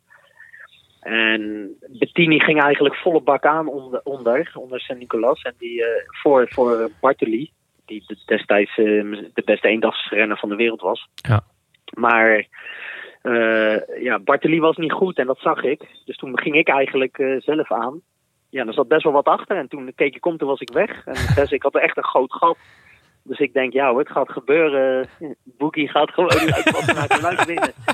Want ik voelde, me, ik voelde mijn benen ook nog. En die, eh, ja, ik kon, ik kon nog een lekker, eh, lekkere versnelling draaien. En eh, ja, ik, ik, ik had er echt wel stamp op. Maar ja, uit, vanuit, vanuit het niks zat ineens Van de Broeken naast me. Ja. Ja, die, toen waren, Rustig te een ademen ook waarschijnlijk. ja. Nou ja, dat, dat deed bij hem ook wel pijn. En ja, hij keek een keer naar me en weg was hij. Ja. Nou, toen was de vogel gevlogen. Heb je nog En, eh, naar... Maar dat moment, ik heb wel eventjes het moment, eh, echt, dat kan ik me ook nog wel herinneren, dat ik echt zoiets had van ja, ik, eh, ik ga luik winnen. Ja. Maar ja, Even over, over Van der Broeke. Het is natuurlijk ja, Ja. een, een, een soort bijna mythisch figuur aan het worden inmiddels. Wat, wat vond jij toen van hem? Eh, nou, ik vond het een hele prettige collega, moet ik eerlijk zeggen. En eh, eh, ik moet zeggen, kijk, voor de buitenwereld was het misschien een mythisch figuur. Voor, voor, voor mij wat minder, omdat ik ten eerste was ik niet zoveel met Van den Broek bezig. Ik was meer met mijn eigen, met mijn eigen carrière bezig. En was het gewoon een concurrent van me. Ook een, een renner die ik gewoon kon kloppen. Ik bedoel, in, in 1998, het jaar daarvoor, eh, waren we met, eh met z'n zessen weg. En werd ik vijfde en hij zesde. Toen waren we allebei nog jong. En kwamen we eigenlijk voor de eerste keer in een grote klassieker kijken. En ja, ik, ik was op momenten ook wel beter dan hem in, in koers. Ik had hem ook geklopt in Parijs-Nice. En eh, ja, ik keek gewoon echt als concurrent naar hem. Maar wel als een, een, een fijne collega, concurrent. Omdat hij vaak eh, met zijn ploeg het heft in handen nam. Zeker in 99. Dus hij, hij hield ook van een gecontroleerde koers. En dan eh, wachten tot het moeilijkste moment in de koers en dan gewoon aangaan. En ja, dat vond ik ook een hele prettige manier van koersen. Dus, Mogen de ja, sterkste ik- winnen. ik, ja, dat vond ik wel. Of nou ja, de sterkste, of in ieder geval dat de sterkste overbleven. Dat, Ja. eh, dat vond ik altijd wel prettig. En eh, ja, hij, eh hij koerste ook op die manier. En, en ja, ook in Parijs-Nice, dat jaar die ik won, daar heb ik zelfs nog met hem in de slag gezeten. De laatste, of de koninginnenrit eigenlijk, daar bergop aankomst op 1600 meter. Ehm, moest ik een paar man in de gaten houden en dat deed ik. En hij kwam in de koers eigenlijk naar me toe en vroeg van... eh, ja, als jij het bij elkaar houdt en de spurt voor me aantrekt, dan, eh, dan eh, zal ik je morgen, als het nog lastig is en je krijgt nog een lastig moment, dan zal ik, eh, zal ik er voor je zijn. Oh, wauw. Dus eh, zo gezegd, zo gedaan. Zo gezegd, zo gedaan. Dus ik eh, trok de spurt voor hem aan in mijn gele truitje. Of in de leiderstrui en hij, eh, hij won de spurt. En een dag later, eh, een dag later de rit eh, Nice-Nice. Werd er, eh, werd er eigenlijk eh, vanuit vertrek aangevallen door Virank. En eh, ja, Van der Broeke ging hem halen. Die, die kwam naast me rijden en die zei eh Allee Boogie. En eh, ja, ik ging in zijn wiel en hij ging eh, V- Virank halen. Dus eh man en man, een woord en woord. En dat eh, was Van der Broek ook. eh, Wat een ja, mooi, nogmaals, mooi bondje zeg. Ja. Is, dat ja, dat beeld, was een, eh, ja. is het beeld later veranderd? Eh, nou, het ging eigenlijk heel snel, eh, Bergafwaarts heel natuurlijk. snel minder. Ja, hij was in 99, eh, eigenlijk na Luik is hij volledig eh, in de ellende geraakt. En eh, ben ik gewoon verder gegaan. En, en, en toen kwam ik hem pas weer tegen op het WK in Verona. Toen was hij heel goed. Maar daar, ook daarna, ja, toen vond ik hem eigenlijk zielig worden. Ik had echt medelijden met me. En medelijden met hem. Zo, Ja. ik, ik, ja, ik, ik, ik weet nog. Ik, voor mij was Van der Broeke echt een, een groot renner, een goede renner. En ja, daar, daar, daar- als hij aanging, dan zag je af. En eh, we kwamen in. eh, Ik kwam hem wel. We zijn hem een keer tegengekomen in Italië op training. Reed die moederziel alleen. Heel, heel depressief oogde hij destijds. En hij reed een stukje met ons mee. En toen had hij het echt moeilijk. En, en zat hij af te zien. En dat was ja, zo kort nadat hij uh, Luik Luik op zo'n manier had gewonnen. Dus ik vond dat eigenlijk heel schijnend. En ja, ook eigenlijk, niet prettig om te zien. Ik vond het eh, best, best raar. Ja, snap ik. Ja, hij is er. Was dat de laatste keer dat je hem hebt uitgewezen. gesproken? Ehm, de laatste keer dat ik hem heb gesproken. Goh, dat vind ik een hele lastige. Ik weet eh, dat ik.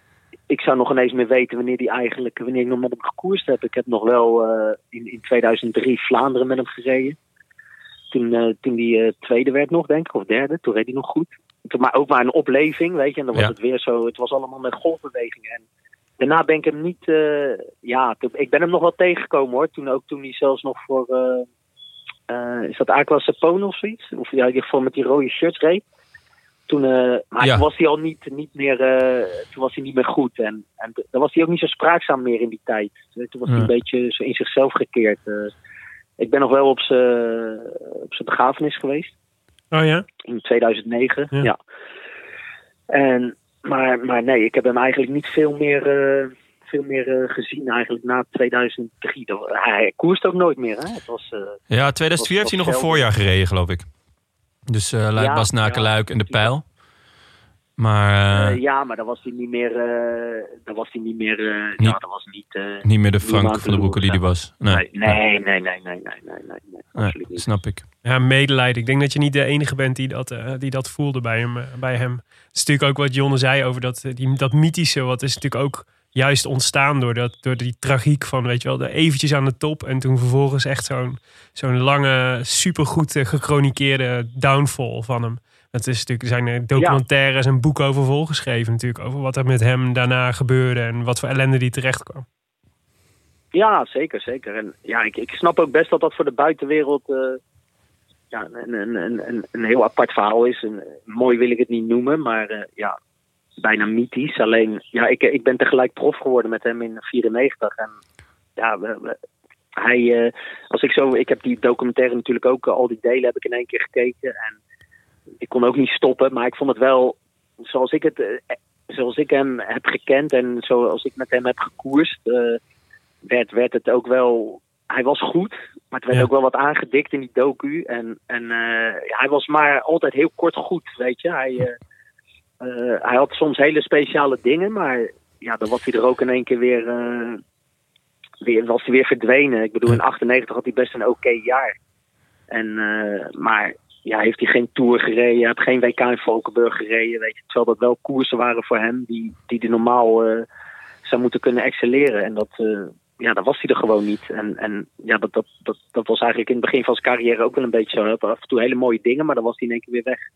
En En, eh, als je, als je dit- dan die docu ziet, en, want je zijn hetzelfde jaar gedebuteerd. ehm, heb, je, heb je dan ook wel eens van, oeh, dat had mij ook kunnen overkomen? Of, of is dit echt puur dat het ook in zijn karakter zat? Dat, het, dat er toch echt iets destru- destructiefs in zat? Nou ja, dat, eh, dat, eh, dat wat, hij, wat hem overkomen is, dat, nee, ik denk niet dat dat mij op dat moment. eh, daar ben je zelf bij. Hè? Ik bedoel, je bent manager over je eigen, over je eigen carrière. En, en tuurlijk zijn er invloeden van, van, van anderen of van buiten die, die, die dat beïnvloeden. Maar je bent altijd zelf, moet je de regie in handen nemen. En zeker op de moeilijke momenten. En eh, ja, de een kan, dat, eh, kan daarmee om en de, en, en de ander niet. En eh, tuurlijk werd hij misschien als, als god gezien in België. En en, en werd- was hem dat misschien een beetje te veel. En, maar ja, hij zocht er natuurlijk ook wel op. Weet je, had aparte transfers had hij. Weet je, hij met, terwijl hij contract had, was hem weg. Weet je, hij deed allemaal rare Ja. dingen. Ja. En dat, dat deed hij natuurlijk zelf. En, Nee, dat ja, is ook zo. Zeker met, eh, met als je die verhalen leest over eh, slaapmedicatie met drank en de, Met Gaumont en zo, ja. uitspattingen. ja, Ja. dergelijke uitspattingen, dat, eh, ja, dat, dat was mij wel, eh, wel heel erg vreemd, zeg maar. Ja. Dat, eh, dat kan ik me wel voorstellen als je dat doet, dat je, dat je niet, eh, niet lang gaat fietsen op dat niveau. En Ja. ik moet ook eerlijk zeggen, toen ik, ik heb zijn boek natuurlijk gelezen. En dat, dat, dat was al eerder. En, en, en toen ik dat las, dat was eigenlijk voor de eerste keer dat ik daarover hoorde dat hij dat soort dingen. Ik wist wel dat het een feestnummer was, maar niet dat hij zo straf met de slaapmedicatie was en, en drank. En, Ja, ja, ja. en eh, ja, toen ik dat las, vond ik het nog knapper, zeg maar, dat hij. eh, dat hij dat hij, eh, Dat hij zo goed was. dat hij zo reed. Ja. Ik weet in, in Parijs Tours in 99, toen eh, was een week voor het WK. Ja, en toen later heb ik gelezen dan dat hij eh, de nacht eh, daarvoor eh, volledig, volledig van het padje was van, van, van, van, van die spullen. En ja, ik moest hem in de gaten houden in de, in de koers. En je had daar twee klimmers op het einde. Dat wa- was het punt. Ja, en daar ging die. En toen ging hij zo verschrikkelijk hard. Daar heb ik zo afgezien om zijn wiel te houden. Dat, dat, dat vergeet ik ook nooit meer. Ja, en als je dan later zo'n verhaal leest, dan denk je, hoe in godsvredesnaam is het mogelijk dat je, dat je nog zo hard kon rijden die dag, als, als je echt hebt gedaan wat in dat boek staat. Ja. Dus dat, dat, Ja, dat vind ik achteraf dan wel straf. Ja. Dat vind ik wel straf. Hey, ehm, Wat, wat, wat, nog één vraag over Luik Bastenaken Luik. Want wij zaten net eh, nou, natuurlijk ook de uitslag te bekijken. We hadden een bizar sterke ploeg van Rabo hadden jullie toen. Volgens mij stond je met vier man in de top 10. Ja, ik weet dat, eh, dat bakkertje, eh, Maarten, Maarten en Bakker, die was, was eh, drie. Ja. De rest weet ik eigenlijk niet. Ik weet, Ja. weet wel dat we vijf man in de kopgroep hadden. Ebersold zat er nog bij. Ja, Ebersold en de broeders, eh de broeders Sperg. Ja. En, eh, en ik dan, en, en Bakker. Dus we waren met z'n vijven mee. Maar ook Moerhout reed volgens mij die dag. En die, die was 60 geworden in Waalspel, de woensdag Ja. ervoor. Dus die was ook lekker in vorm. Ja. En eh, ja, we hadden, we hadden best een goede ploeg, ja. Ja, ik, hoor- want ik hoorde jou dat, eh. bij, bij Lens ook eh, vertellen dat jij van de druk stond er best wel op bij de Rabo op dat, in dat voorjaar. Omdat eh, Ja. richting de Amstel Gold in ieder geval, dat jij zei van ik voelde best wel de druk van er moet even gewonnen worden. want, ja, nee, dat was, dat was heel straf. En, want, want je moet je voorstellen dat Maarten en Bakker, die won het eh, tweeluik, zeg maar. Je had dan eh Waalspel, dat noemden ze het Ardense, eh, weet ik veel. eh, Ardense tweeluik of zo. ja, dat won de hij, Waalse zeg week. Ja. Ja, ja. En ja, ik was we werden twee en drie in, eh, in, in Luik. En Waalspel was ik vijf en was Koos Moerhout zesde. Dus ja, we, we, we reden zo goed. Alleen ja, we wonnen niet. En we kregen best wel wat, wat kritiek Ja. in de Nederlandse pers. En ja, dat was best wel moeilijk. Ik bedoel, eh, ja, je, je, je wil allemaal eh, de beste zijn. En, en zeker als je zo'n goede ploeg hebt. Dus ja, de, de, de, er zat de- buiten de druk die, die ik me vooral zelf oplegde, eh, ja, had je ook nog die druk van buitenaf. En dat voelde je ook wel in de ploeg. Want ik denk ook dat het op dat moment ook niet heel makkelijk was voor de ploegleiding om, om die ploeg te managen. Omdat, ja, ik was het sterkste, denk ik, op dat moment in dat soort koersen. Maar ja, als we het eh, goed zouden spelen, dan, dan waren die vier anderen ook zeker eh, bij machten om, om zo'n koers eh, te winnen. Ja. Dus het was heel lastig. ja, het was, was, was, was, was best lastig om dat als ploegleiding ook allemaal in het geheel te krijgen. Hey, eh, Er zat Michael, de laatste vraag. eigenlijk een, een afsluitende vraag. Wat, wat is je plan voor, voor de komende jaren? Zien we je nog, nog terug in het peloton? We missen je een beetje, is Ja. wat Jonne eigenlijk wil zeggen. nou, als commentator Nou ja, ik luister ik graag naar je. Dus wat dat betreft, Ja, nou dankjewel, dankjewel. Nou, ja, ik, ik, ik was weer bezig bij Eurosport. En, ja, leuk. ja, dat vind ik wel leuk om te doen. Ik, eh, ik was ook naar de, naar de Tour gegaan, denk ik, als, eh, als analyticus. En, en dat, eh, ja, dat vind ik gewoon leuk om te doen. Ik, ik moet zeggen, ik vond het ook wel leuk om, eh, om ploegleider te zijn, hoor. Alleen, eh, nou, ging je ook Ja. goed af volgens mij. Ja, het, ja dat, ik, ik ben er nooit echt achter gekomen of ik wel een goede ploegleider ben. Of, of zou kunnen zijn. Ik, ja, je, je, je, je werkt natuurlijk met beperkt materiaal en dat eh, bedoel ik niet, eh, niet slecht. eh. maar, nee, ja, Nee, ja, dat snap wat je bedoelt. En dan hadden was hij vrij snel weg. Ja. En, ja, we, we zaten een beetje in de onderste regionen van het wielrennen. Eh, op profniveau. Dus ja, dan, dan, dan is dat best wel eens lastig. En dan ben je ook vaak gewoon pelotonvulling. En dan kan je als ploegleider ook weinig eh, uithalen. Dus ja, ik, ik, ik, een, eh, ik zou het nog wel eens willen proberen in een hele goede ploeg. En meer dan niet om erachter te komen of ik een goede ploegleider wel of niet ben. Ik denk dat, dat een ploegleider ook niet heel bepalend is in een wedstrijd. Dat het veelal van de renner zelf komt. Maar de, ik, ik, ik zou het wel heel interessant vinden om met, eh, met echt top, toprenners te, te werken. En, en vooral dan om, om te ervaren of te zien of zij ja, zo'nzelfde beleving hebben. En op dezelfde manier met de sport omgaan als zo ik, eh, zoals ik dat altijd heb gedaan. Ja. Dat, dat zou ik wel gewoon heel interessant vinden. Om, dat is, eh, om dat, daar eens achter te komen. Want dat, ik, ik ga er wel vanuit dat, dat dat zo is. Alleen ik ben ook maar een buitenstaander, weet je. Ik zie de toppers, eh, daar werk ik ook niet mee samen. En daar, eh, eh, daar, daar, dat kan je dus niet zien. Dat kan je alleen maar aannemen. Dat, dat is nog iets wat ik wel zou willen, Ja, leuk. willen, willen ervaren. Ja, zou Zolang mooi je- zijn. Zolang je maar niemand ooit verbiedt om met betere wielen te gaan rijden. Wat zei je? Ik zei, zolang je maar niemand ooit verbiedt om met betere wielen te gaan rijden. Ja, nou ja, wij hebben dat ook moeten. Ik, ik bedoel, daar, daar krijg je allemaal wel eens mee te maken. Dat je, dat je gewoon aan, aan materiaal gebonden bent eh, van, de, van de sponsor, klaar. En eh, dat is soms heel, eh, dat hebben wij zelfs ook op ons niveau meegemaakt. Dat, ja, dat, je, dat renners wel eens wat wilden, wat je ze gewoon niet kon, Kom bieden. kon geven. Dan Ja. waren wij niet, eh, niet, eh, niet de moeilijkste. En, en hebben wij heel veel toegestaan. Wat, wat echt in een World Tour ploeg eh, nooit, nooit zou worden toegestaan. Dat, dat lieten wij wel toe. Eh, dus wat dat betreft, eh, ja, wat dat betreft eigenlijk eh, ja, was, was ik daar niet zo'n hele moeilijke in. Maar ja, dan moesten we wel in overleg met, met sponsors hoor. Ik bedoel, Ja. dan, eh, je kon dat niet zomaar toe, toe, eh, toestaan. Ja. Hey, super fijn om je stem weer even te horen. Ja, En, eh, Absoluut. en we hopen je snel, snel weer terug te zien ergens eh, rondom een koers. Smaken jullie bier? Ja. we gaan hem opentrekken. De Westmalle triple, hè? Ja, ja. Ja. Dat is malle. Hij, gaat, hij gaat nu open. We proosten op jou. Dankjewel, Michael. Oké, oké. graag gedaan. Jo, pas op. Hoi, hoi, hoi. Leuk zeg, Michael Bogert. Ja, Altijd genieten, toch? zeker. Ja, het is, het is voor mij echt wel een jeugdheld. We kunnen bij hem eigenlijk ook gewoon alle koersen die hij gereden heeft één voor één afgaan. Want hij heeft er toch wel wat leuks over te vertellen. Ja, en hij weet gewoon volgens mij ook echt nog steeds superveel. Weet je, hij weet gewoon hoeveelste Koos Moerhout werd in de pijl eh, in 1999. Ja. Ja. Heel vet. Maar hij wist wel dat we hierover gingen praten. Dus hij heeft wel natuurlijk, had wel even kunnen opzoeken hoe het ook weer zat. Toen. Dat hadden we niet moeten doen, wil je zeggen. nee, we hadden dat per verrassing. Misschien is het, dat is ook wel een willen leuke het voor onze verrassingskoers. Wat? Ja, dat we in onze verrassingskoers, dat je ook iemand, een oud renner moet bellen. Ja. En dan een overhoring moet doen over de resultaten van Koos Moerhout. Nou ja, dat is inderdaad wel een element wat aan onze verrassingskoers ontbreekt. Een beetje zoals bij chessboxing. Dat je dan ook een stukje denksport erin hebt. Ja, dat is belangrijk. Nee, goeie. Frank Heijnen had uh, laatst een column geschreven waarin uh, hij het pro probeerde om uh, een nieuw programma samen te stellen voor alle wegkoersen. Ja. En daarin zat een etappe 10 en dat was de, dat was de Rode Lantaarn verrassingskoers eigenlijk. ja, heel vet. En iemand had daar als aanvulling op gegeven. Het lijkt me leuk als de, koers, de verrassingskoers begint met een zoektocht naar je fiets in de fietsenkelder onder Utrecht Centraal.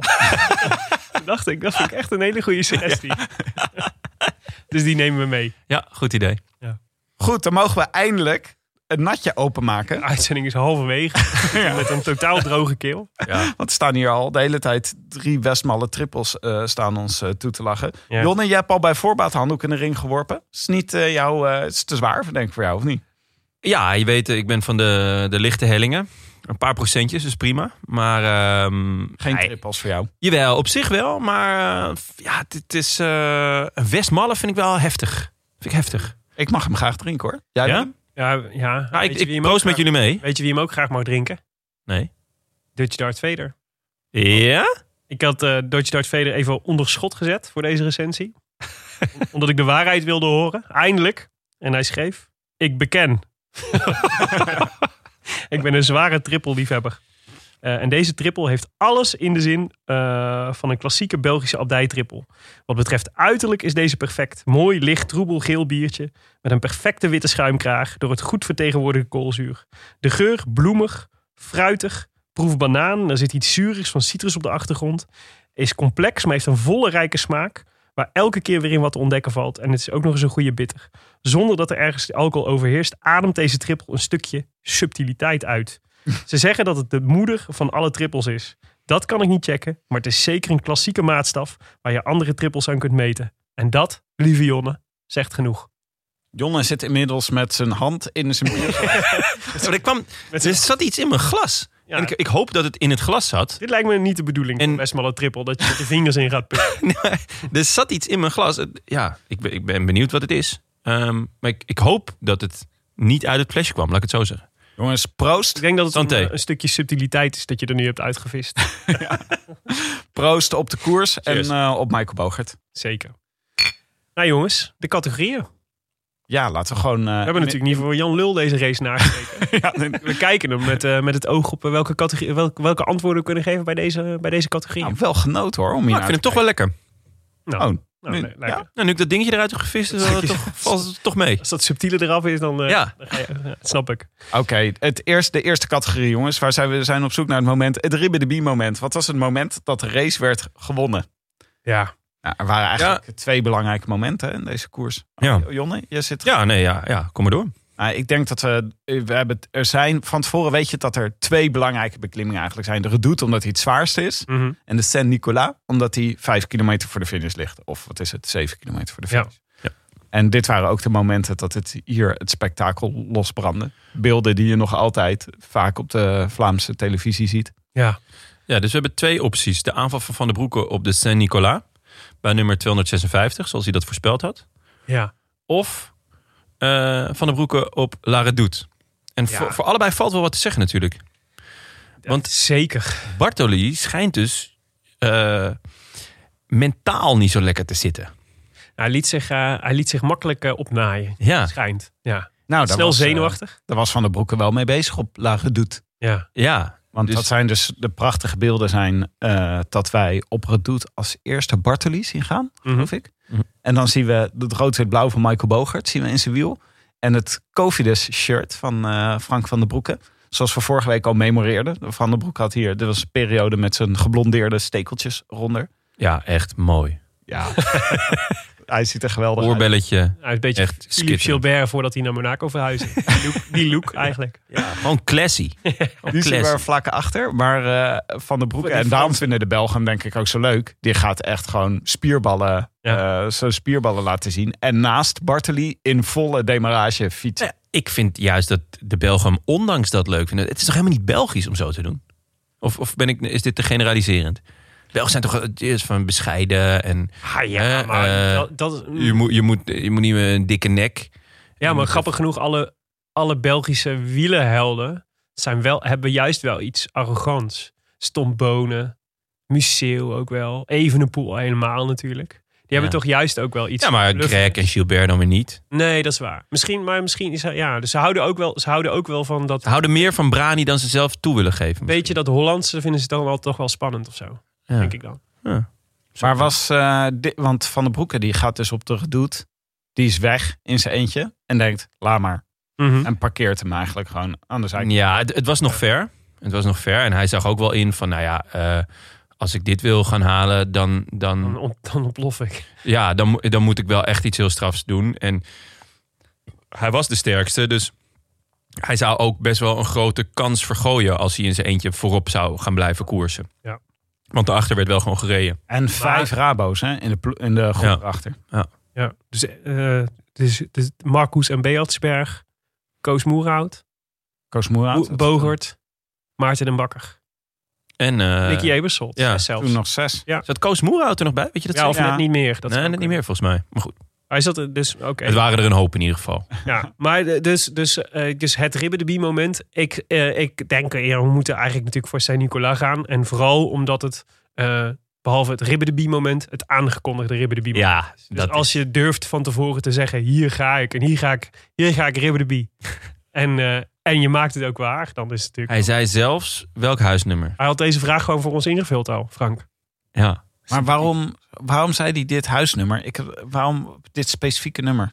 Was daar... Hij zei, daar ga ik aanvallen. maar was daar ga ik Nou, omdat het- met het dat is- nummer? Nou, het is, het is hoe, die, eh, hoe die berg loopt, zeg maar. Dus het zwaarste stuk begint daar. Dus ik denk dat dat gewoon het eikpunt was voor, eh, voor hier begint de laatste, het stijlste stuk in de, in de moeilijkste bocht. En daar ga ik, eh, daar, dat is het logische moment om aan te vallen. En hij had hem heel vaak verkend van tevoren. Eh, en ik denk dat hij gewoon had gedacht van dat is, het, dat is de plek waar het moet gebeuren. Want daar kan ik het meeste verschil maken ten opzichte van de anderen. Hij had ook alleen maar de Saint-Nicolas en de Redoute eh, bekeken van tevoren. Oh ja? De rest van het parcours gewoon niet bekeken. hij twijfelde zelfs van tevoren of hij mee zou doen. Want het was heel vroeg in het voorjaar al begonnen. Hij had echt Ja. alles gereden. Overal goed klassement gereden. Ja. En het was een beetje een eh, wet dat als je de Ronde van Vlaanderen en Roubaix goed hebt gereden. Ja. Dat je niet in Luik, Bastenaken, Luik ook nog eens even goed gaat zitten zijn. Zo niet Frank van den Broeke. Ja. Want het tempo waarmee hij daar wegrijdt bij Bogert. En Willem zei net al even, Bogert die zat er ook niet misselijk in hoor. Die zat er echt, eh Bogert zei het zelf ook hè, dat hij ook dacht Hij van, viel niet stil.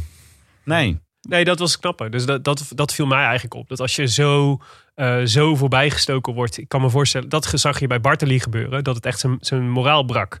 Hè, dus ik geloof, ik, ik denk dat dat al het moment is dat in ieder geval Bartoli de race verloor. Was op, eh, was die, die eh, was, was op La Redoute. Ja. Dat was gewoon, daar, werd hij, daar zag hij, ja, Van de Broek is, Mentaal. gewoon, eh, is gewoon de beste vandaag. Naar het Riebe de moment. Welke van de twee? Ja, dus, Zeg het maar. ja, dus eh, van, ja, nee, eh Saint-Nicolas. Ja. Oké, zijn we over eens, denk ik. De Doe Me Toch trofee. Wie had hem ook kunnen winnen als hij wat had gedaan? nou ik wil graag Willem dat jij een scenario voor Michael Bogert hebt eh, op tafel legt. Want dit heb jij ongetwijfeld. Waarin Michael Bogert hier had moeten winnen. Ehm, Had kunnen winnen. ja, Ja, sorry. dit is moeten, natuurlijk- Niks moeten. Ja, ik wou zeggen. winnen. ja. Laten we die jongen niet achteraf nog met een eh, trauma Ja. opzadelen. Nou, het is wel het is interessant wat hij zegt natuurlijk. Dus hij zei zelf van, eh, van hij voelde zich natuurlijk supergoed. Eh en ehm, en eh, hij dacht eventjes dat hij hem, eh, dat hij hem binnen had. ja, Ja. Dat was natuurlijk al hartstikke... Dus dat- maar ehm, eigenlijk zou je zeggen, als je met zoveel mensen in, van je ploeg in, eh, in de kopgroep zit...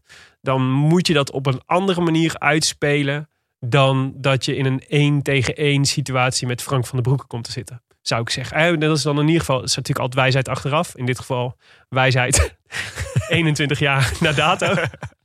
Maar, maar toch. Je hebt er lang over na kunnen denken eh, in, je, in het Big Brother huis. ja, ja, ja, dan heb je de tijd om eh, Sabine wel stop te maar ehm, eh, nee, dus, dus dan, zou je, dan zou je zeggen, had, ehm, had, dus op dat, je had op een gegeven moment dat tussenstuk ehm, eh, richting Saint-Nicolas, dat Peter Farrazijn de, de koers hard ging maken. En eigenlijk moest, er, moest voor zorgen van, de, er, moet, er mag niemand wegrijden. Voor Van de Broeken. Voor Van de Broeken, ja. Dus die was duidelijk aan het aansturen op... het moet, ik moet zorgen dat ik ze één op één krijg. eh, want dan, dan pak ik ze daar. Dat had Rabo natuurlijk niet moeten laten gebeuren achteraf. Dus Ja. die, hadden, die hadden of eerder moeten zorgen dat Farazijn, eh Farazijn eraf had gelegen... en niet meer dat werk hadden, had kunnen doen. Ze hadden moeten isoleren, eigenlijk. Maar die Sebergs, als je- die, die, want die, die renners waarmee Rabobank daar reed, die, ik kan me nog herinneren uit die tijd, dat zouden eigenlijk eens aan Bogert moeten vragen. Die Sebergs, daar had je dus echt niks aan. Dat waren een soort BV'tjes die daar in het peloton rondreden. Ik weet nog altijd dat je dan altijd Seberg, die reed dan gewoon in zo'n groepje op de negende plek. En dat was alles wat hij deed. Ik moet nu iedere keer denken aan... eh, dit was ook de tijd dat Steven Rooks volgens mij commentaar gaf bij, eh, bij eh, de NOS. En die noemde, die noemde die gasten voortdurend Zetberg.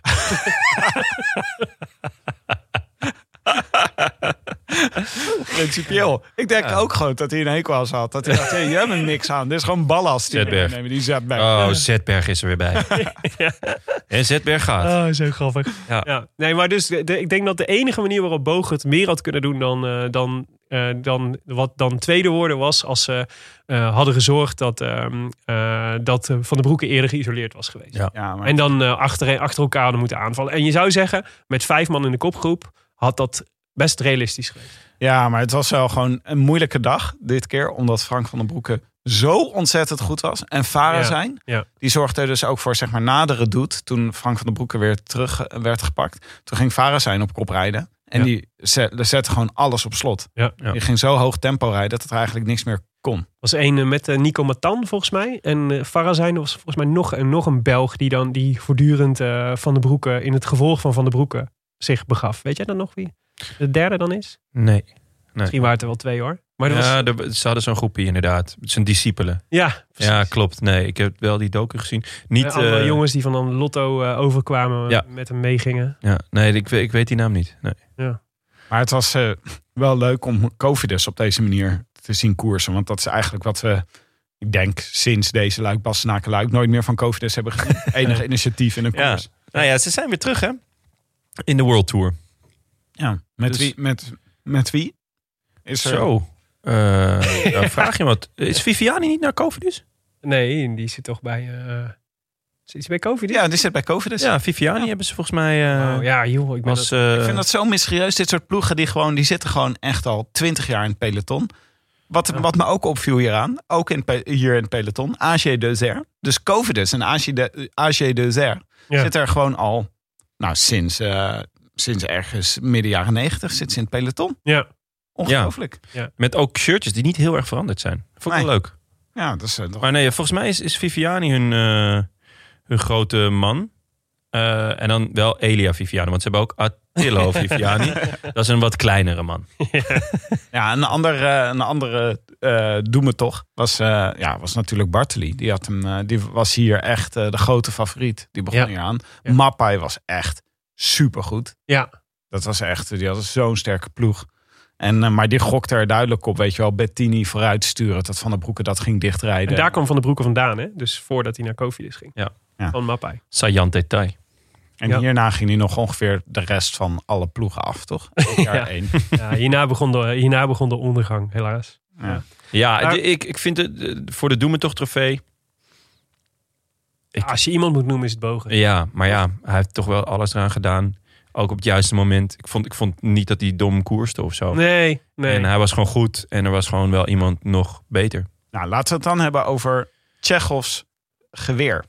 ja. Dus wat hing er aan de muur, wat we later af hebben zien gaan? Want dat is Tsjechovs geweer. ja, Wat, hebben we, wat konden we zien aankomen? ehm, Ja, die, de aanval van VDB. Want dat had hij namelijk vooraf gezegd. Ja, dit is waarom het ook zo legendarisch is geworden. Want het was, dit was een methode van Eddie Merckx natuurlijk. Om te zeggen, nou dan ga ik het doen. Dan ga ik Ja. iedereen eh, op een hoop rijden. Ja. En dan deed hij dat. En dat gaf hem echt natuurlijk goddelijke status in België. ja. En Van der Broeke is volgens mij de, ongeveer de enige die sinds Merckx het voor elkaar heeft gekregen. Om te zeggen, nou op dat moment ja, iedereen eruit Het is rijden. ook wel een heel vette manier, En toch? dat hij het dan doet. zeker. Vind ik wel Als ook iets doet. wat Sagan zou doen een keer. Ja, Maar hij had toch niet, eh, ja, je moet het toch wel zo waar zien te maken. Sagan pre-liefdesverdriet. Ja, prelude. Ja, ik... ehm ehm, had jij een ander geweer van Tsjechov? nou... ehm, Dit is, de deze ondergang, ligt voor de hand de natuurlijk. ondergang van VDB. Ehm, ik, eh, dat, is natuurlijk, dat is ook wijsheid achteraf, hè? Maar dat, ik, Ja, dat is een makkelijk, eh, makkelijk lullen. Want daar was hij natuurlijk op zijn eh, op eh, was natuurlijk een hoogtepunt. Maar ik vond en de, de en de, maar het natuurlijk je kunt het nu ook niet meer kijken zonder dat je weet wat er daarna gebeurde. Natuurlijk dat is ook. Dus in alles probeer je ook soort van aanwijzingen te zien van waar zie ik nou al dat er iets. Maar je, eh, Tim zei net eh, die uitzending begon met interviewtjes vooraf eh, voorafgaand aan de koers. Eh, en daar werd eigenlijk eh, werd van der Broeke werd ook geïnterviewd en daar werd eh, ik denk dat het ehm, Mark van Lombeek was die die interviews deed. Volgens mij Wuits. Of Wuits? Ja, volgens mij was Wuits. Dat zou Ja, kunnen. ja. Die eigenlijk al soort van, eh, die soort van hinten op. eh, van de Broeke vindt het moeilijk om eh, de steg te zijn. En om te gaan met, de met de druk die komt kijken bij het zijn van een echte, van een echte wielerster. Ja, ja, ja. En, en dat uitte zich toen in dat hij een persconferentie zou geven en toch ook weer niet. En toen uiteindelijk wilde gaan trainen. En je ziet hem een beetje ongemakkelijk rondom de auto dralen. En dan uiteindelijk geeft hij een interview eh, uit het autoraampje eh, van de, van de Cofidiswagen. En, eh, Schitterend interview. Schitterend interview, ja. En, maar ehm, wat je daar wel ziet al, is dit is niet een jongen die de wilde makkelijk draagt. Dus, ehm, dus zoals je bijvoorbeeld het gemak waarmee bijvoorbeeld je nu Remco Evenepoel ehm, de, de last, ogenschijnlijk de last van de natie op zijn schouders torst, zeg maar. En eigenlijk daar bijna vlierenfluitend mee om weet te gaan over, over- met die mediadruk.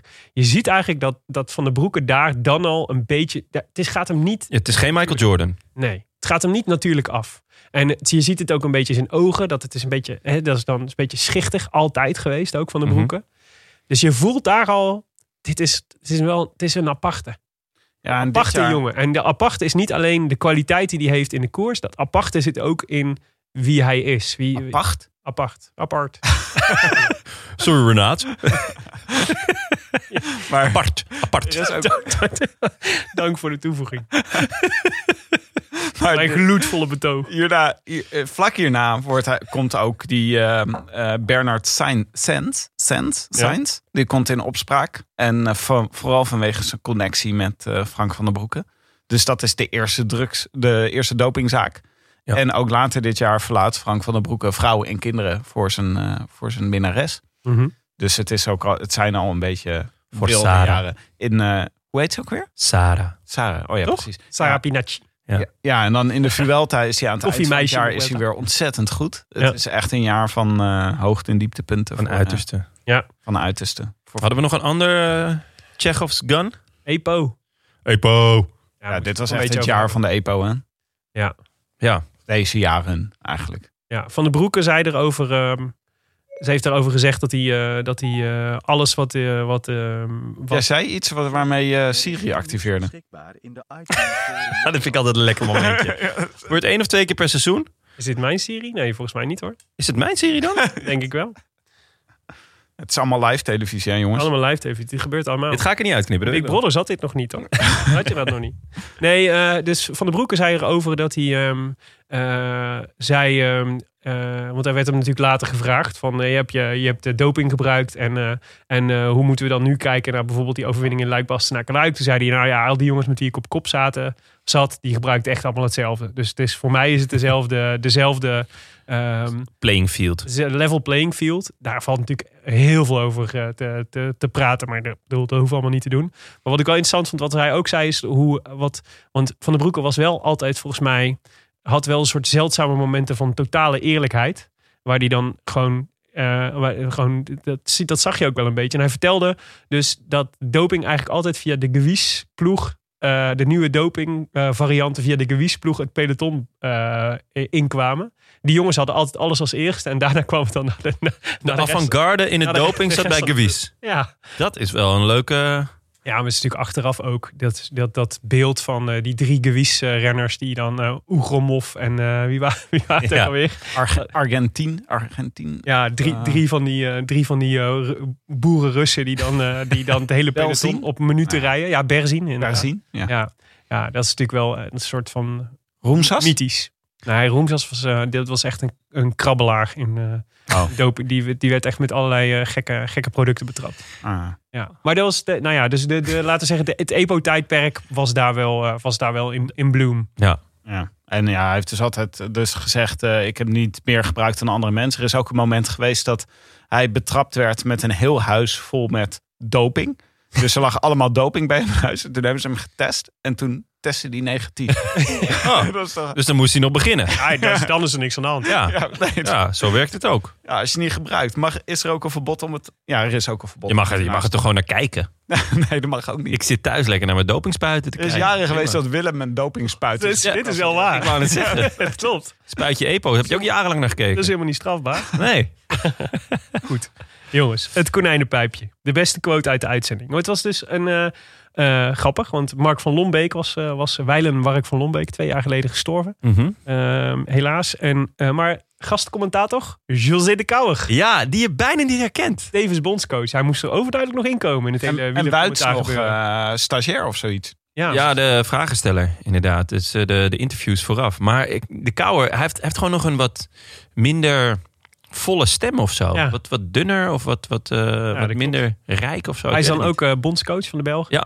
Hij hoopt ook dat de VDB nog meegaat eh, op, eh, Ja. naar het WK. ja. Maar jongens, de quotes. Wat, wat, is jullie, eh, wat zijn welke quotes bleven jullie bij? Nou, ik vond die, ehm, dat interview eh, vooraf...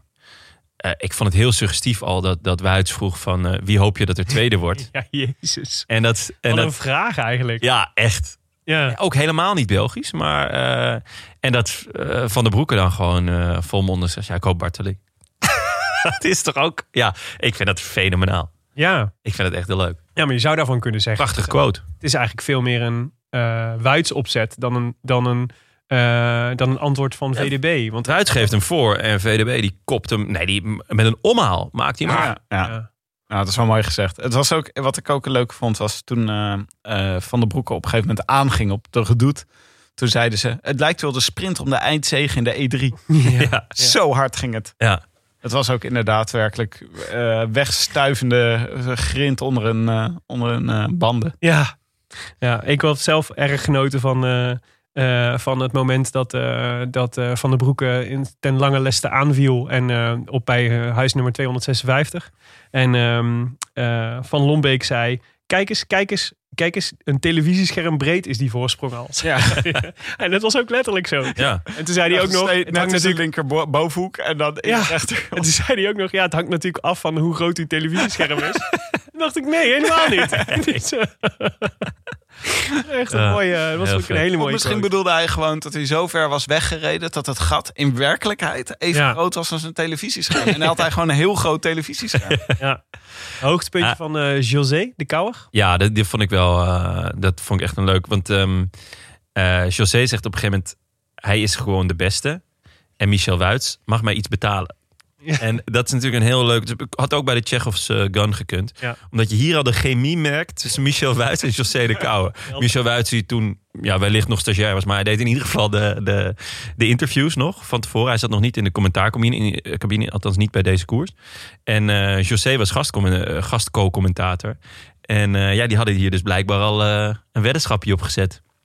Ik vond een andere mooie van José. Die moest ik, denk ik, twee of drie keer terugluisteren voordat ik door had wat hij nou eigenlijk zei. Ja, Dus we, reden, we zagen een helikoptershot van, eh, van Luik. En meer bepaald een, een soort, ehm, eh, ja, wat was het? Een bouwval in, eh, in Luik. Ja. En ehm, toen, de, het enige woord wat José de Kouwer sprak was Kosovo.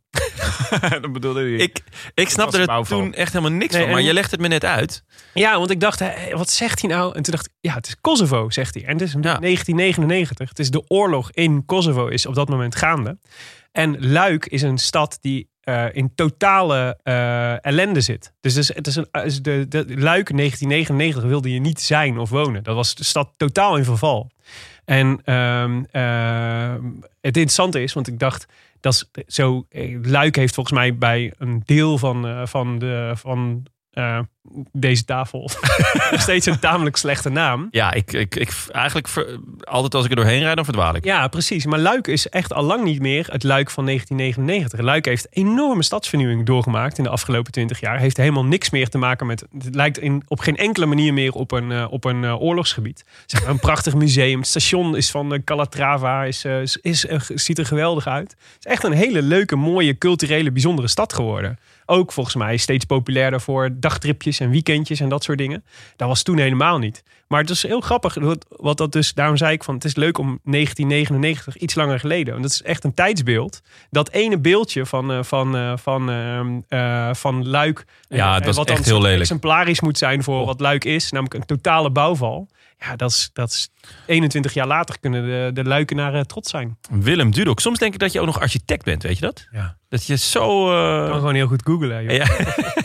Het parcours ligt er ook niet al te florisant bij. Hè? Zo ja, dat, op een gegeven moment dat, ze dat hele dat stuk door waar dan in één keer het asfalt ontbreekt. Ja, ja, Ja. ja, het is echt heel bizar. Nu, Nu eh, is ook van, nu- ja, nu- als peloton Nu is het Plug Street. Ja, precies. Tegenwoordig betalen, betalen ze gro- grof geld voor om weer een, een stukje off-road te mogen. Ja, precies. ja daar, daar hebben ze het gewoon overal. Ja. Ik wou als laatste nog, ehm, eh, dat is een beetje een konijnenpijpje en een beetje een, eh, een geweer van Tsjechov. Is eh, op het moment dat VDB over de finish is, dat dan eh, dat eh, Van Lombeek een lofzang begint over gedaan is het met de problemen van, eh, van de broeken. De knieproblemen, de mentale problemen. Het is achter de rug, zegt hij. Ja. Uitstekende analyse. ja. Zo, Ja. Dat had er eentje van Jonne kunnen zijn hoor. Dit. Goed. Mobbystar Madness. Hebben we ploegen gezien die het anders hadden kunnen spelen? Die er een potje van hebben gemaakt? Nou, twee denk ik. Wil case maken voor, voor twee ploegen die gewoon echt met zoveel klasbakken voorin zaten. Mhm. We hebben het al over Rabo gehad, die er met vijf voorin zaten. En Mappai. Die zaten dus ook met, die zaten dus echt op volle oorlogsterkte voorin. Eh, ik zou zeggen dat eh, wat we hebben natuurlijk over, eh, we hebben het over Rabo gehad, dat die het Van den Broeke moeilijker hadden kunnen maken. Maar bij Mappai denk je dat ook, want die zijn elke keer op het moment dat Van den Broeke aangaat in geen velden of wegen te bekennen om hem terug te halen. Ja, Dus eh, ik weet niet of er iets niet helemaal goed aan de coördinatie zat, of dat ze gewoon collectief een beetje matig waren deze dag en slechte benen hadden. Kan ook allebei waar zijn. Had je, wat, heb jij nog iets gezien eh, waarvan je dacht, wat gebeurt hier nou? Ja, hebben we het er al een beetje over gehad, toch? De Rabo's. Ja, De Rabo's, ja. dat anders gekund. Rabo en Mappai. Maar ja, ik, eh, in het geval van Mappai, die, die, die gewoon wel rekenen op Bartoli. Ja, als, als Bartoli dan niet thuis geeft, dan is het ook wel moeilijk Mhm. om. de- Dan kan je ook als, als, als ploegleider of als tactiek weinig meer toevoegen, denk ik. Maar Rabo had zeker wel nog wat anders kunnen proberen.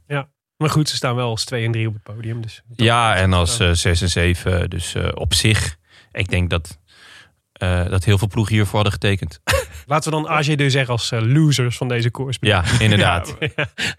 Nergens te zien. Nee, precies. De Nou, Mike, Maaike Oudboterbokaal. Ja, dat is wel een leuk bruggetje. Ja. Ik was erg blij om eh, onze grote vriend Alexandre Vinokorov, vriend van de show, Zeker. Om die eh, in de vroege vlucht eh, te horen zitten. Want dat heb ik alleen gehoord toen er ingeschakeld werd. Mooi verleden ook natuurlijk met Luik Bastenaken Luik. Onze, onze Vino. Nou, toen heb ik even gegoogeld. Hij zat dus bij AG de Zer, die toen nog co-sponsor waren van Casino. En Oh ja. eh, wist ik eigenlijk helemaal niet dat hij in die tijd daar zat. Nee. Maar het stond ik goed hoor, het pakkie. Ja, maar dat is met alles toch? dat dat Vino alles goed staat. Ja, vrijwel alles. Absoluut. Nou, hij was 26 of zo. En hij, Zo oud al?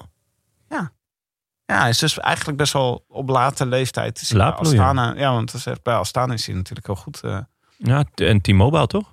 Maar hij was hier ook al heel erg goed. Want hij wint eh, het criterium eh, van Dauphiné Libéré. Wint hij Oh, later in het jaar. Dus het is, het is al een hele goede Vino. Maar ja, als je, in de, als je in de vroege aanval zit, dan heb je geen plannen, toch? In de vroege Nee. vlucht. Nee, Jalabert wordt er zelfs een beetje om gekielhaald. Hè? Dat hij, eh, Ja. dat hij eh, vroeg, de- het eigenlijk eh, zegt eh, José de Kouwer daarmee... eh, Wat, heb, wat Heb doe je jij- nou? heb je eigenlijk van tevoren al besloten dat je deze koers niet gaat winnen. Ja. Ja, dat deed Jalabert toch heel vaak. Als je dan, ik had het gevoel dat Jalabert en Vino trouwens laat, op latere leeftijd ook waren van die types die dan dachten... Gewoon een snippertje. Ja, mijn benen doen het, mijn, mijn benen doet het niet goed. Nee, geen snippertje. Dat ze dan gewoon denken, nou dan ga ik maar gewoon heel even voor die, eh, ga ik even in beeld rijden. Ja, zo. Ja. Ik wilde Maarten de Bakker nomineren voor de Maaike Oudboter bokaal. Ik eh, ben eh, groot Maarten de Bakker fan. Was groot Maarten de Bakker fan. Ja. Hij is al een tijdje gestopt, dus ik ben al een tijdje gestopt met te denken aan Maarten de Bakker. Ik was blij dat ik hem weer even... Wanneer had je tot voor kort voor het laatste Maarten de Bakker gedacht? Nou, we hadden het er eh, een paar afleveringen geleden ook al over Maarten de Bakker. Dus toen. Maar ehm, nee, ik vond hem altijd een toprenner. En ook altijd supergoed in eh, Wallonië. Dus in die Ardennen was hij, altijd, eh, was hij altijd sterk. En dit jaar dus al helemaal, want hij won de Waalse Week. Dus de, de, of het Ardennen Weekend, of hoe ze het ook- ze het toen ook noemden. Tweede in eh Waalspijl. En eh, tweede hier. En daarmee de winnaar. Ja. Werd ook gehuldigd. Kreeg Oh, dat was een soort klassement. Ja. Ja, was een ja, klassement. Dus eigenlijk heel sneu, want hij heeft nooit een eh, klassieker, hij heeft nooit gewonnen daar. Hij heeft alleen, alleen dit dus, zeg maar, de- het overal klassement, het algemeen klassement won hij. Terwijl, eh, ja, hij was er wel vaak dichtbij. Ik moet bij Den Bakker altijd denken aan een interview wat hij een keer na een koers heeft gegeven. Ik weet niet meer welke koers het was. Toen was hij heel erg goed, maar toen greep hij net naast zijn zegen. En toen vroeg ze aan hem waar het aan lag. En toen zei hij, er kwamen zulke bonken uit mijn neus. Oeh, dat is wel pech, ja. Met, eh, ja, dat is gewoon niet lekker als er zulke Ja. bonken uit je neus komen. Goed. Oké jongens, Eh, andere inzendingen of moeten we hem, eh, hoe gaan we hem callen? Nou, ja, Michael Bogert. Ja. Dat, ja, voor mij echt wel een, een jeugdheld. Kijk, eh, in 99 keek ik nog niet eh, naar Luik Bas naar Luik, maar wel al naar de Tour. Mhm. Eh, en in 98 ook. Toen werd hij vijfde, geloof ik. Eh, ja, dat was toch Nederlands hoop eh, in bange dagen. En eh, gewoon echt een, een, een, een leuke gast ook. Altijd eh goede, goede, eh, echte, echte interviews. Gewoon leuke quotes, goede, goede uitspraken na de koers. Vrolijk. Ja, een, Ehm, dap- een dappere renner ook. Een dappere renner. Hij Verstopte, koerste. zich- nooit. Nee. Nee. En, eh, Alleen dus in de Amsterdam Gold Race van 99. Toen liet hij Armstrong namelijk al het werk doen. Omdat Ja. hij mocht. Ja. Ja, Hij was... eh, toen won hij met meer 3 had- millimeter. Hij zat een beetje als Sagan op zijn fiets, vond ik, tijdens deze koers. Terwijl ik me de latere Bogert kan herinneren als iets lichter. En Maar over welke meer- Sagan heb je het dan? Ja, zeg maar de Sagan nu. Want Oh, ja. Sagan is er inderdaad ook veranderd van figuur en van hoe hij op de fiets zit. Maar Bogert was hier best wel stevig. Best wel eh, stevige renner zoals hij op zijn op zijn fiets zat. En later wordt hij volgens mij iets dunner. Dat lichter. Ja. Dat, dat denk ik. Maar dat hadden we eigenlijk even aan hem moeten vragen. Maar het, het is wel opvallend om dat te zien. Het is een ander soort Michael Bogert dan je, dan je later ziet de koers.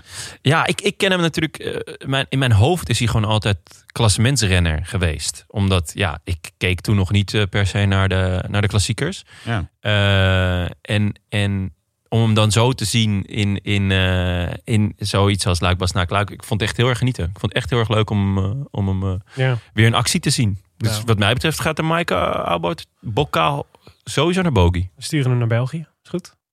Woont hij in België? Ja. Oh, Zeker. goeie, goeie verbinding hadden we dan. Absoluut.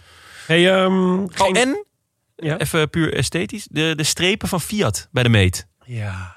Ja. Dat is voor mij ook wel echt, eh, Dat is mooi, hè? echt Zijn die, wielrennen. zijn die weg?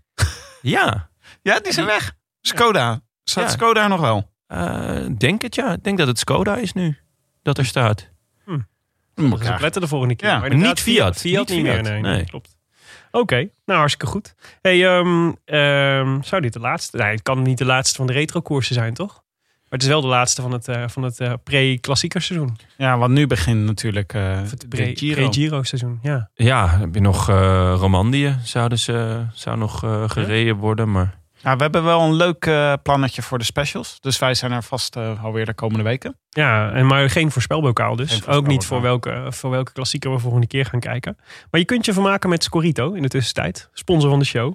Eh, want die hebben natuurlijk ook bedacht van... ja, ons hele wielerseizoen is in het water gevallen. Want we hadden er ook super veel zin in om met eh, Scorito allemaal poeltjes te gaan maken en dat soort dingen. Maar die hebben er iets op gevonden. Die hebben, ze hebben namelijk, ze hebben namelijk een, ehm, eh, de, de, de Scorito Grand Tour bedacht. Eh, eigenlijk een, een 21 etappen durende wielerronde die ze zelf hebben, zelf hebben bedacht. Met die langs allerlei bijzondere plekken gaat. De Alpe d'Huez, de Tourmalet, maar ook de Angliru en de Stelvio. Dus het is een soort Tour de l'Europe, maar dan eh, fictief. Oké. Ze hebben er zelf scenario's voor bedacht. Voor hoe elke dag de etappe gaat lopen. En hoe het algemene klassement zich gaat ontwikkelen. Dus het is helemaal uit de hoofden bedacht van de, van de, van de Scorito mensen. Maar je kunt er gewoon aan meedoen als zijn een echte, als zijn een echte koers. Dus je kunt Fijn, een ploeg maken. En eh, het is ook gratis. Dus eh, ja, het, kost, je- het kost je helemaal niks. Maar het is hartstikke leuk. Dus, eh, dus als, je, als je wielerhonger niet gestild wordt door Rode Lantaarn, flashbacks... of alle andere podcasts die momenteel te vinden zijn... of de Michael Jordan documentaire... dan Ja, kun je gewoon of- naar Scorito. Ja, leuk. En of morgenavond natuurlijk het wielercafé van de Ster ZLM Tour. Morgenavond. Morgenavond, Concurreert 8 het uur. met het NK Zwift. Dat zou zomaar kunnen. Maar ik kan me toch niet voorstellen dat je liever op een fiets gaat zitten... dan dat je naar Ton Garçon Dat is waar. gaat kijken. Maar Jij presenteert het. Ik presenteer het, ja. Wie zijn er, te wie zijn er gast? Eh, Sam Omen en Ten Dam zitten in de studio. Oh. Eh, ja, wel op gepaste afstand natuurlijk. Ehm, en eh Tankink wordt ingebeld van Emden, Tolhoek. Leuk. Een itempje zelfs met Kittel hebben we. Dus die ga ik ook wel Ik zag proberen. dat je zijn groene trui kon winnen. Ja, zeker. En, maar nog belangrijker, eh, het geheim voor goed haar. Dus dat... Ga je hem ja, ontfutselen? Ja, ja, ja. Nee, ja, helaas. Dat is al, eh, dat is al opgenomen. Maar eh, dat, eh, Oké. hopelijk kan ik via via er nog wel achter komen. Hoe, kunnen we, hoe kunnen we dit zien? Eh, tss, ik zal even een linkje zetten in de, in de, in de bio. De Ster ZLM Tour Wielercafé heet het. Misschien wel even voor de duidelijkheid. Dat gaat dus om vrijdag 24 april Ja. 2020. Want morgen is zit er natuurlijk iemand hier in de zomer van 2022 onder een palmboom hier naar te luisteren. En denkt, hé, hey, morgen kan ik naar Jonne luisteren. Ja. Corona? Corona? Ja, inderdaad. Dus eh, vrijdag 24 april. Ja, Ster ZLM Tour Wielercafé. Hartstikke goed. Ehm, Jonne. Ik ga afkondigen, ja. U luisterde naar De Roland Taarn, gepresenteerd door uw favoriete bankzitters Tim de Gier, Willem Duok en mijzelf. Veel dank aan onze sponsoren BBB Cycling, Canyon, Fiets van de Show en Scorito. De Roland Taarn wordt mede- mogelijk gemaakt door Dag en Nacht Media en het Skoers.nl, de wielerblog van Nederland en Vlaanderen. Wij danken hen voor de steun op vele fronten en in het bijzonder Bastiaan Gejaar, Maarten Visser, Leon Geuyen en notaris Bas van Eyck, tevens gediplomeerd brandweerman te Made. Willem, vol verwachting klopt ons hart. Neem ons mee. De brandweerupdate. Ja, dat is goed. Ehm, ja, er waren weer veel, eh, veel loze meldingen deze, deze week. Dat gebeurt, dat zul je natuurlijk altijd zien. Dat gebeurt altijd. Maar er was ook een melding van een dier in nood. In, eh, Een panda? in het water. Nee, nee, dat stond er niet bij. Dier in nood was de melding die de mensen kregen. En eh, vervolgens werd er, moest de brandweer dus uitrukken. Ehm, en ehm, en, en dat, was, dat kreeg een bijzonder staartje. Want wat bleek, er was geen dier in nood. Het was, eh, er was een brandweerman die zijn vrijgezellenfeest ging vieren. En dit was de start van het vrijgezellenfeest. Namelijk Pedro. Dat werd geïnterpreteerd als een dier in nood door de omgeving. Nee, die hadden letterlijk een P2000 melding gedaan dat er een dier in nood was. En toen moest Pedro uitdrukken. En, eh, en, eh, en Pedro is een gespecialiseerd oppervlakteredder. Dus die werd erop uitgestuurd. Er werd door de bevelvoerder te water gestuurd. En even later kwam hij terug met een paarse krokodil. Opblaaskrokodil. En toen drong het ook bij hem door dat het een grapje was. En geen serieus dier in nood. Oh, het was expres. Ja, Wat een wending. en dat was de aftrap van een gezellige eh vrijgezellenborrel. En eh, de grap heeft ook Omroep Brabant gehaald. Oh, wat Ja, Die hebben allemaal foto's gemaakt van Pedro die eh, in het water gefopt werd door een paarse krokodil. Verzin Dus- je deze updates nou? Of gebeuren er elke week zulke spectaculaire Nee, dit, is, dit Hij- gebeurt hier elke week. Daarom. Hij verzint dit elke week met ook nog die rare namen, altijd. Pedro, En ja, dat nu- kan toch niet echt zijn. En nu hij dus die rare namen bij de voorspelbokaal niet meer kan, eh, hoeft te verzinnen, wordt, worden deze updates dus steeds raarder. Is waar. Enfin, wil je reageren op deze Rode Lantaarn? Dat kan via vele wegen. Je kunt ons sowieso vinden op Facebook en Twitter. Maar je mag ook mailen naar groetjes En we vinden het superleuk als je ze een review achter wil laten op iTunes. Omdat we ze zelf leuk vinden, maar ook omdat ze anderen helpen de show te vinden. Tim, hebben wij er nog eentje? Nou, ik heb er twee zelfs. Oh? Eh, Lekker. eentje- de eerste is van 10 wortels. En dat is echt iemand die er kijk op heeft. Dat is echt hartstikke leuk. Die geeft ons namelijk twee sterren. En die zegt... Op het gebied van wielrennen begint het in te zakken. Ik heb- Joh. er wordt namelijk niet gewielrend. Tien wortel. Willem. Ho, ho, ho. Ah, is goed. Ik kan niet zo Even wachten. Ja, Ja. heb het idee dat ze vooral zichzelf nogal goed vinden. De druppel is de keuze van de Amstel Gold Race terug slash vooruitblik. Waarom aan de leiband van de Belgen voor deze gekozen en niet Nederlands trots laten overwinnen? Helaas jongens, jullie worden aan alle kanten ingehaald op podcastgebied. Ga terug naar de basis om weer boven de rest uit te komen. Ja, eh, het, moeizame aan teruggaan Een naar de dreun. basis. Een dreun. Ik ga het gewoon zeggen. Het is een dreun. Ja, het, het, het moeizame aan teruggaan naar de basis is dat de basis is dat we eh, eh, wielerkoersen nabeschouwen. Ja, die zijn er nu niet. We zijn echt heel ver van de basis. Ja, Echt de heel basis. ver van de basis. Ik vind dapper dat jullie je verdedigen. Ja, en kijk, zoals Micha ze- ooit zei, eh, er is niks mis met kritiek, maar dan moet het wel kritiek zijn op Amerika. En ja, dat mis ik hier een beetje in deze recensie. Ik Mis ik eh, echt toch wel kritiek op Amerika. Oké, we hebben nog een... Als je, eh, dit vergelijkt, als je ons vergelijkt met het potje dat Trump ervan maakt, dan Ja. valt het alleszins mee tien. Dan, dan hadden, hadden drie sterren niet misstaan. Nee. Nee, zeker. Hoeveel, hoeveel sterren geef je Trump dan? ja, dat is wel moeilijk. Ja. Goeie vraag. Ja, want ja. dan kan je niet meer... Je kan niet meer verder naar beneden natuurlijk. Nou ja, nog één ster. Nog één ster. Eén ster. Ja. Er ik zit er heb één nog- ster van Trump af, joh. Gelukkig was er ook goed nieuws. Ik heb nog een opsteker. Ehm, de gebruiker Vene Gruiswi. Ja, zo heet hij. Vene Gruiswi. Er zijn ook luisteraars in India. Ik dacht dat het een karakter uit jouw Star Wars eh, trilogie was. Nou, dat zou wel kunnen, ja. inderdaad. Helemaal geen inspiratie meer. Vijf sterren voor Jonnes Moppetrommel. Ha, ha, ha. Genieten dit. Met hoofdletters. Eh, Genieten met hoofdletters. Kunnen we Jonne met kleine letter voortaan een vast moppenrubriekje geven aan het eind van iedere aflevering? Ja, ik heb er een hele Nee, het hoop. antwoord is nee. Ah, eentje dan, Willem. Nee, nee. Eentje. Nee, de tien wortels in mij zegt dat dit niet Ja, terug naar de basis, toch? terug, terug naar de basis. Jammer. Het spijt me, uh, Venegrosui.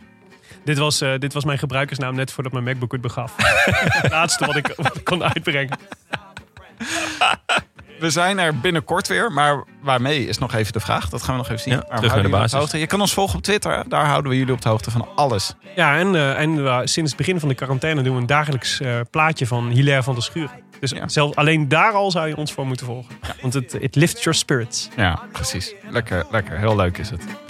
Oké, dit was het. A biento. A biento. A biento. I wish I could be in the south of France. In the south of France. Sitting right next to you.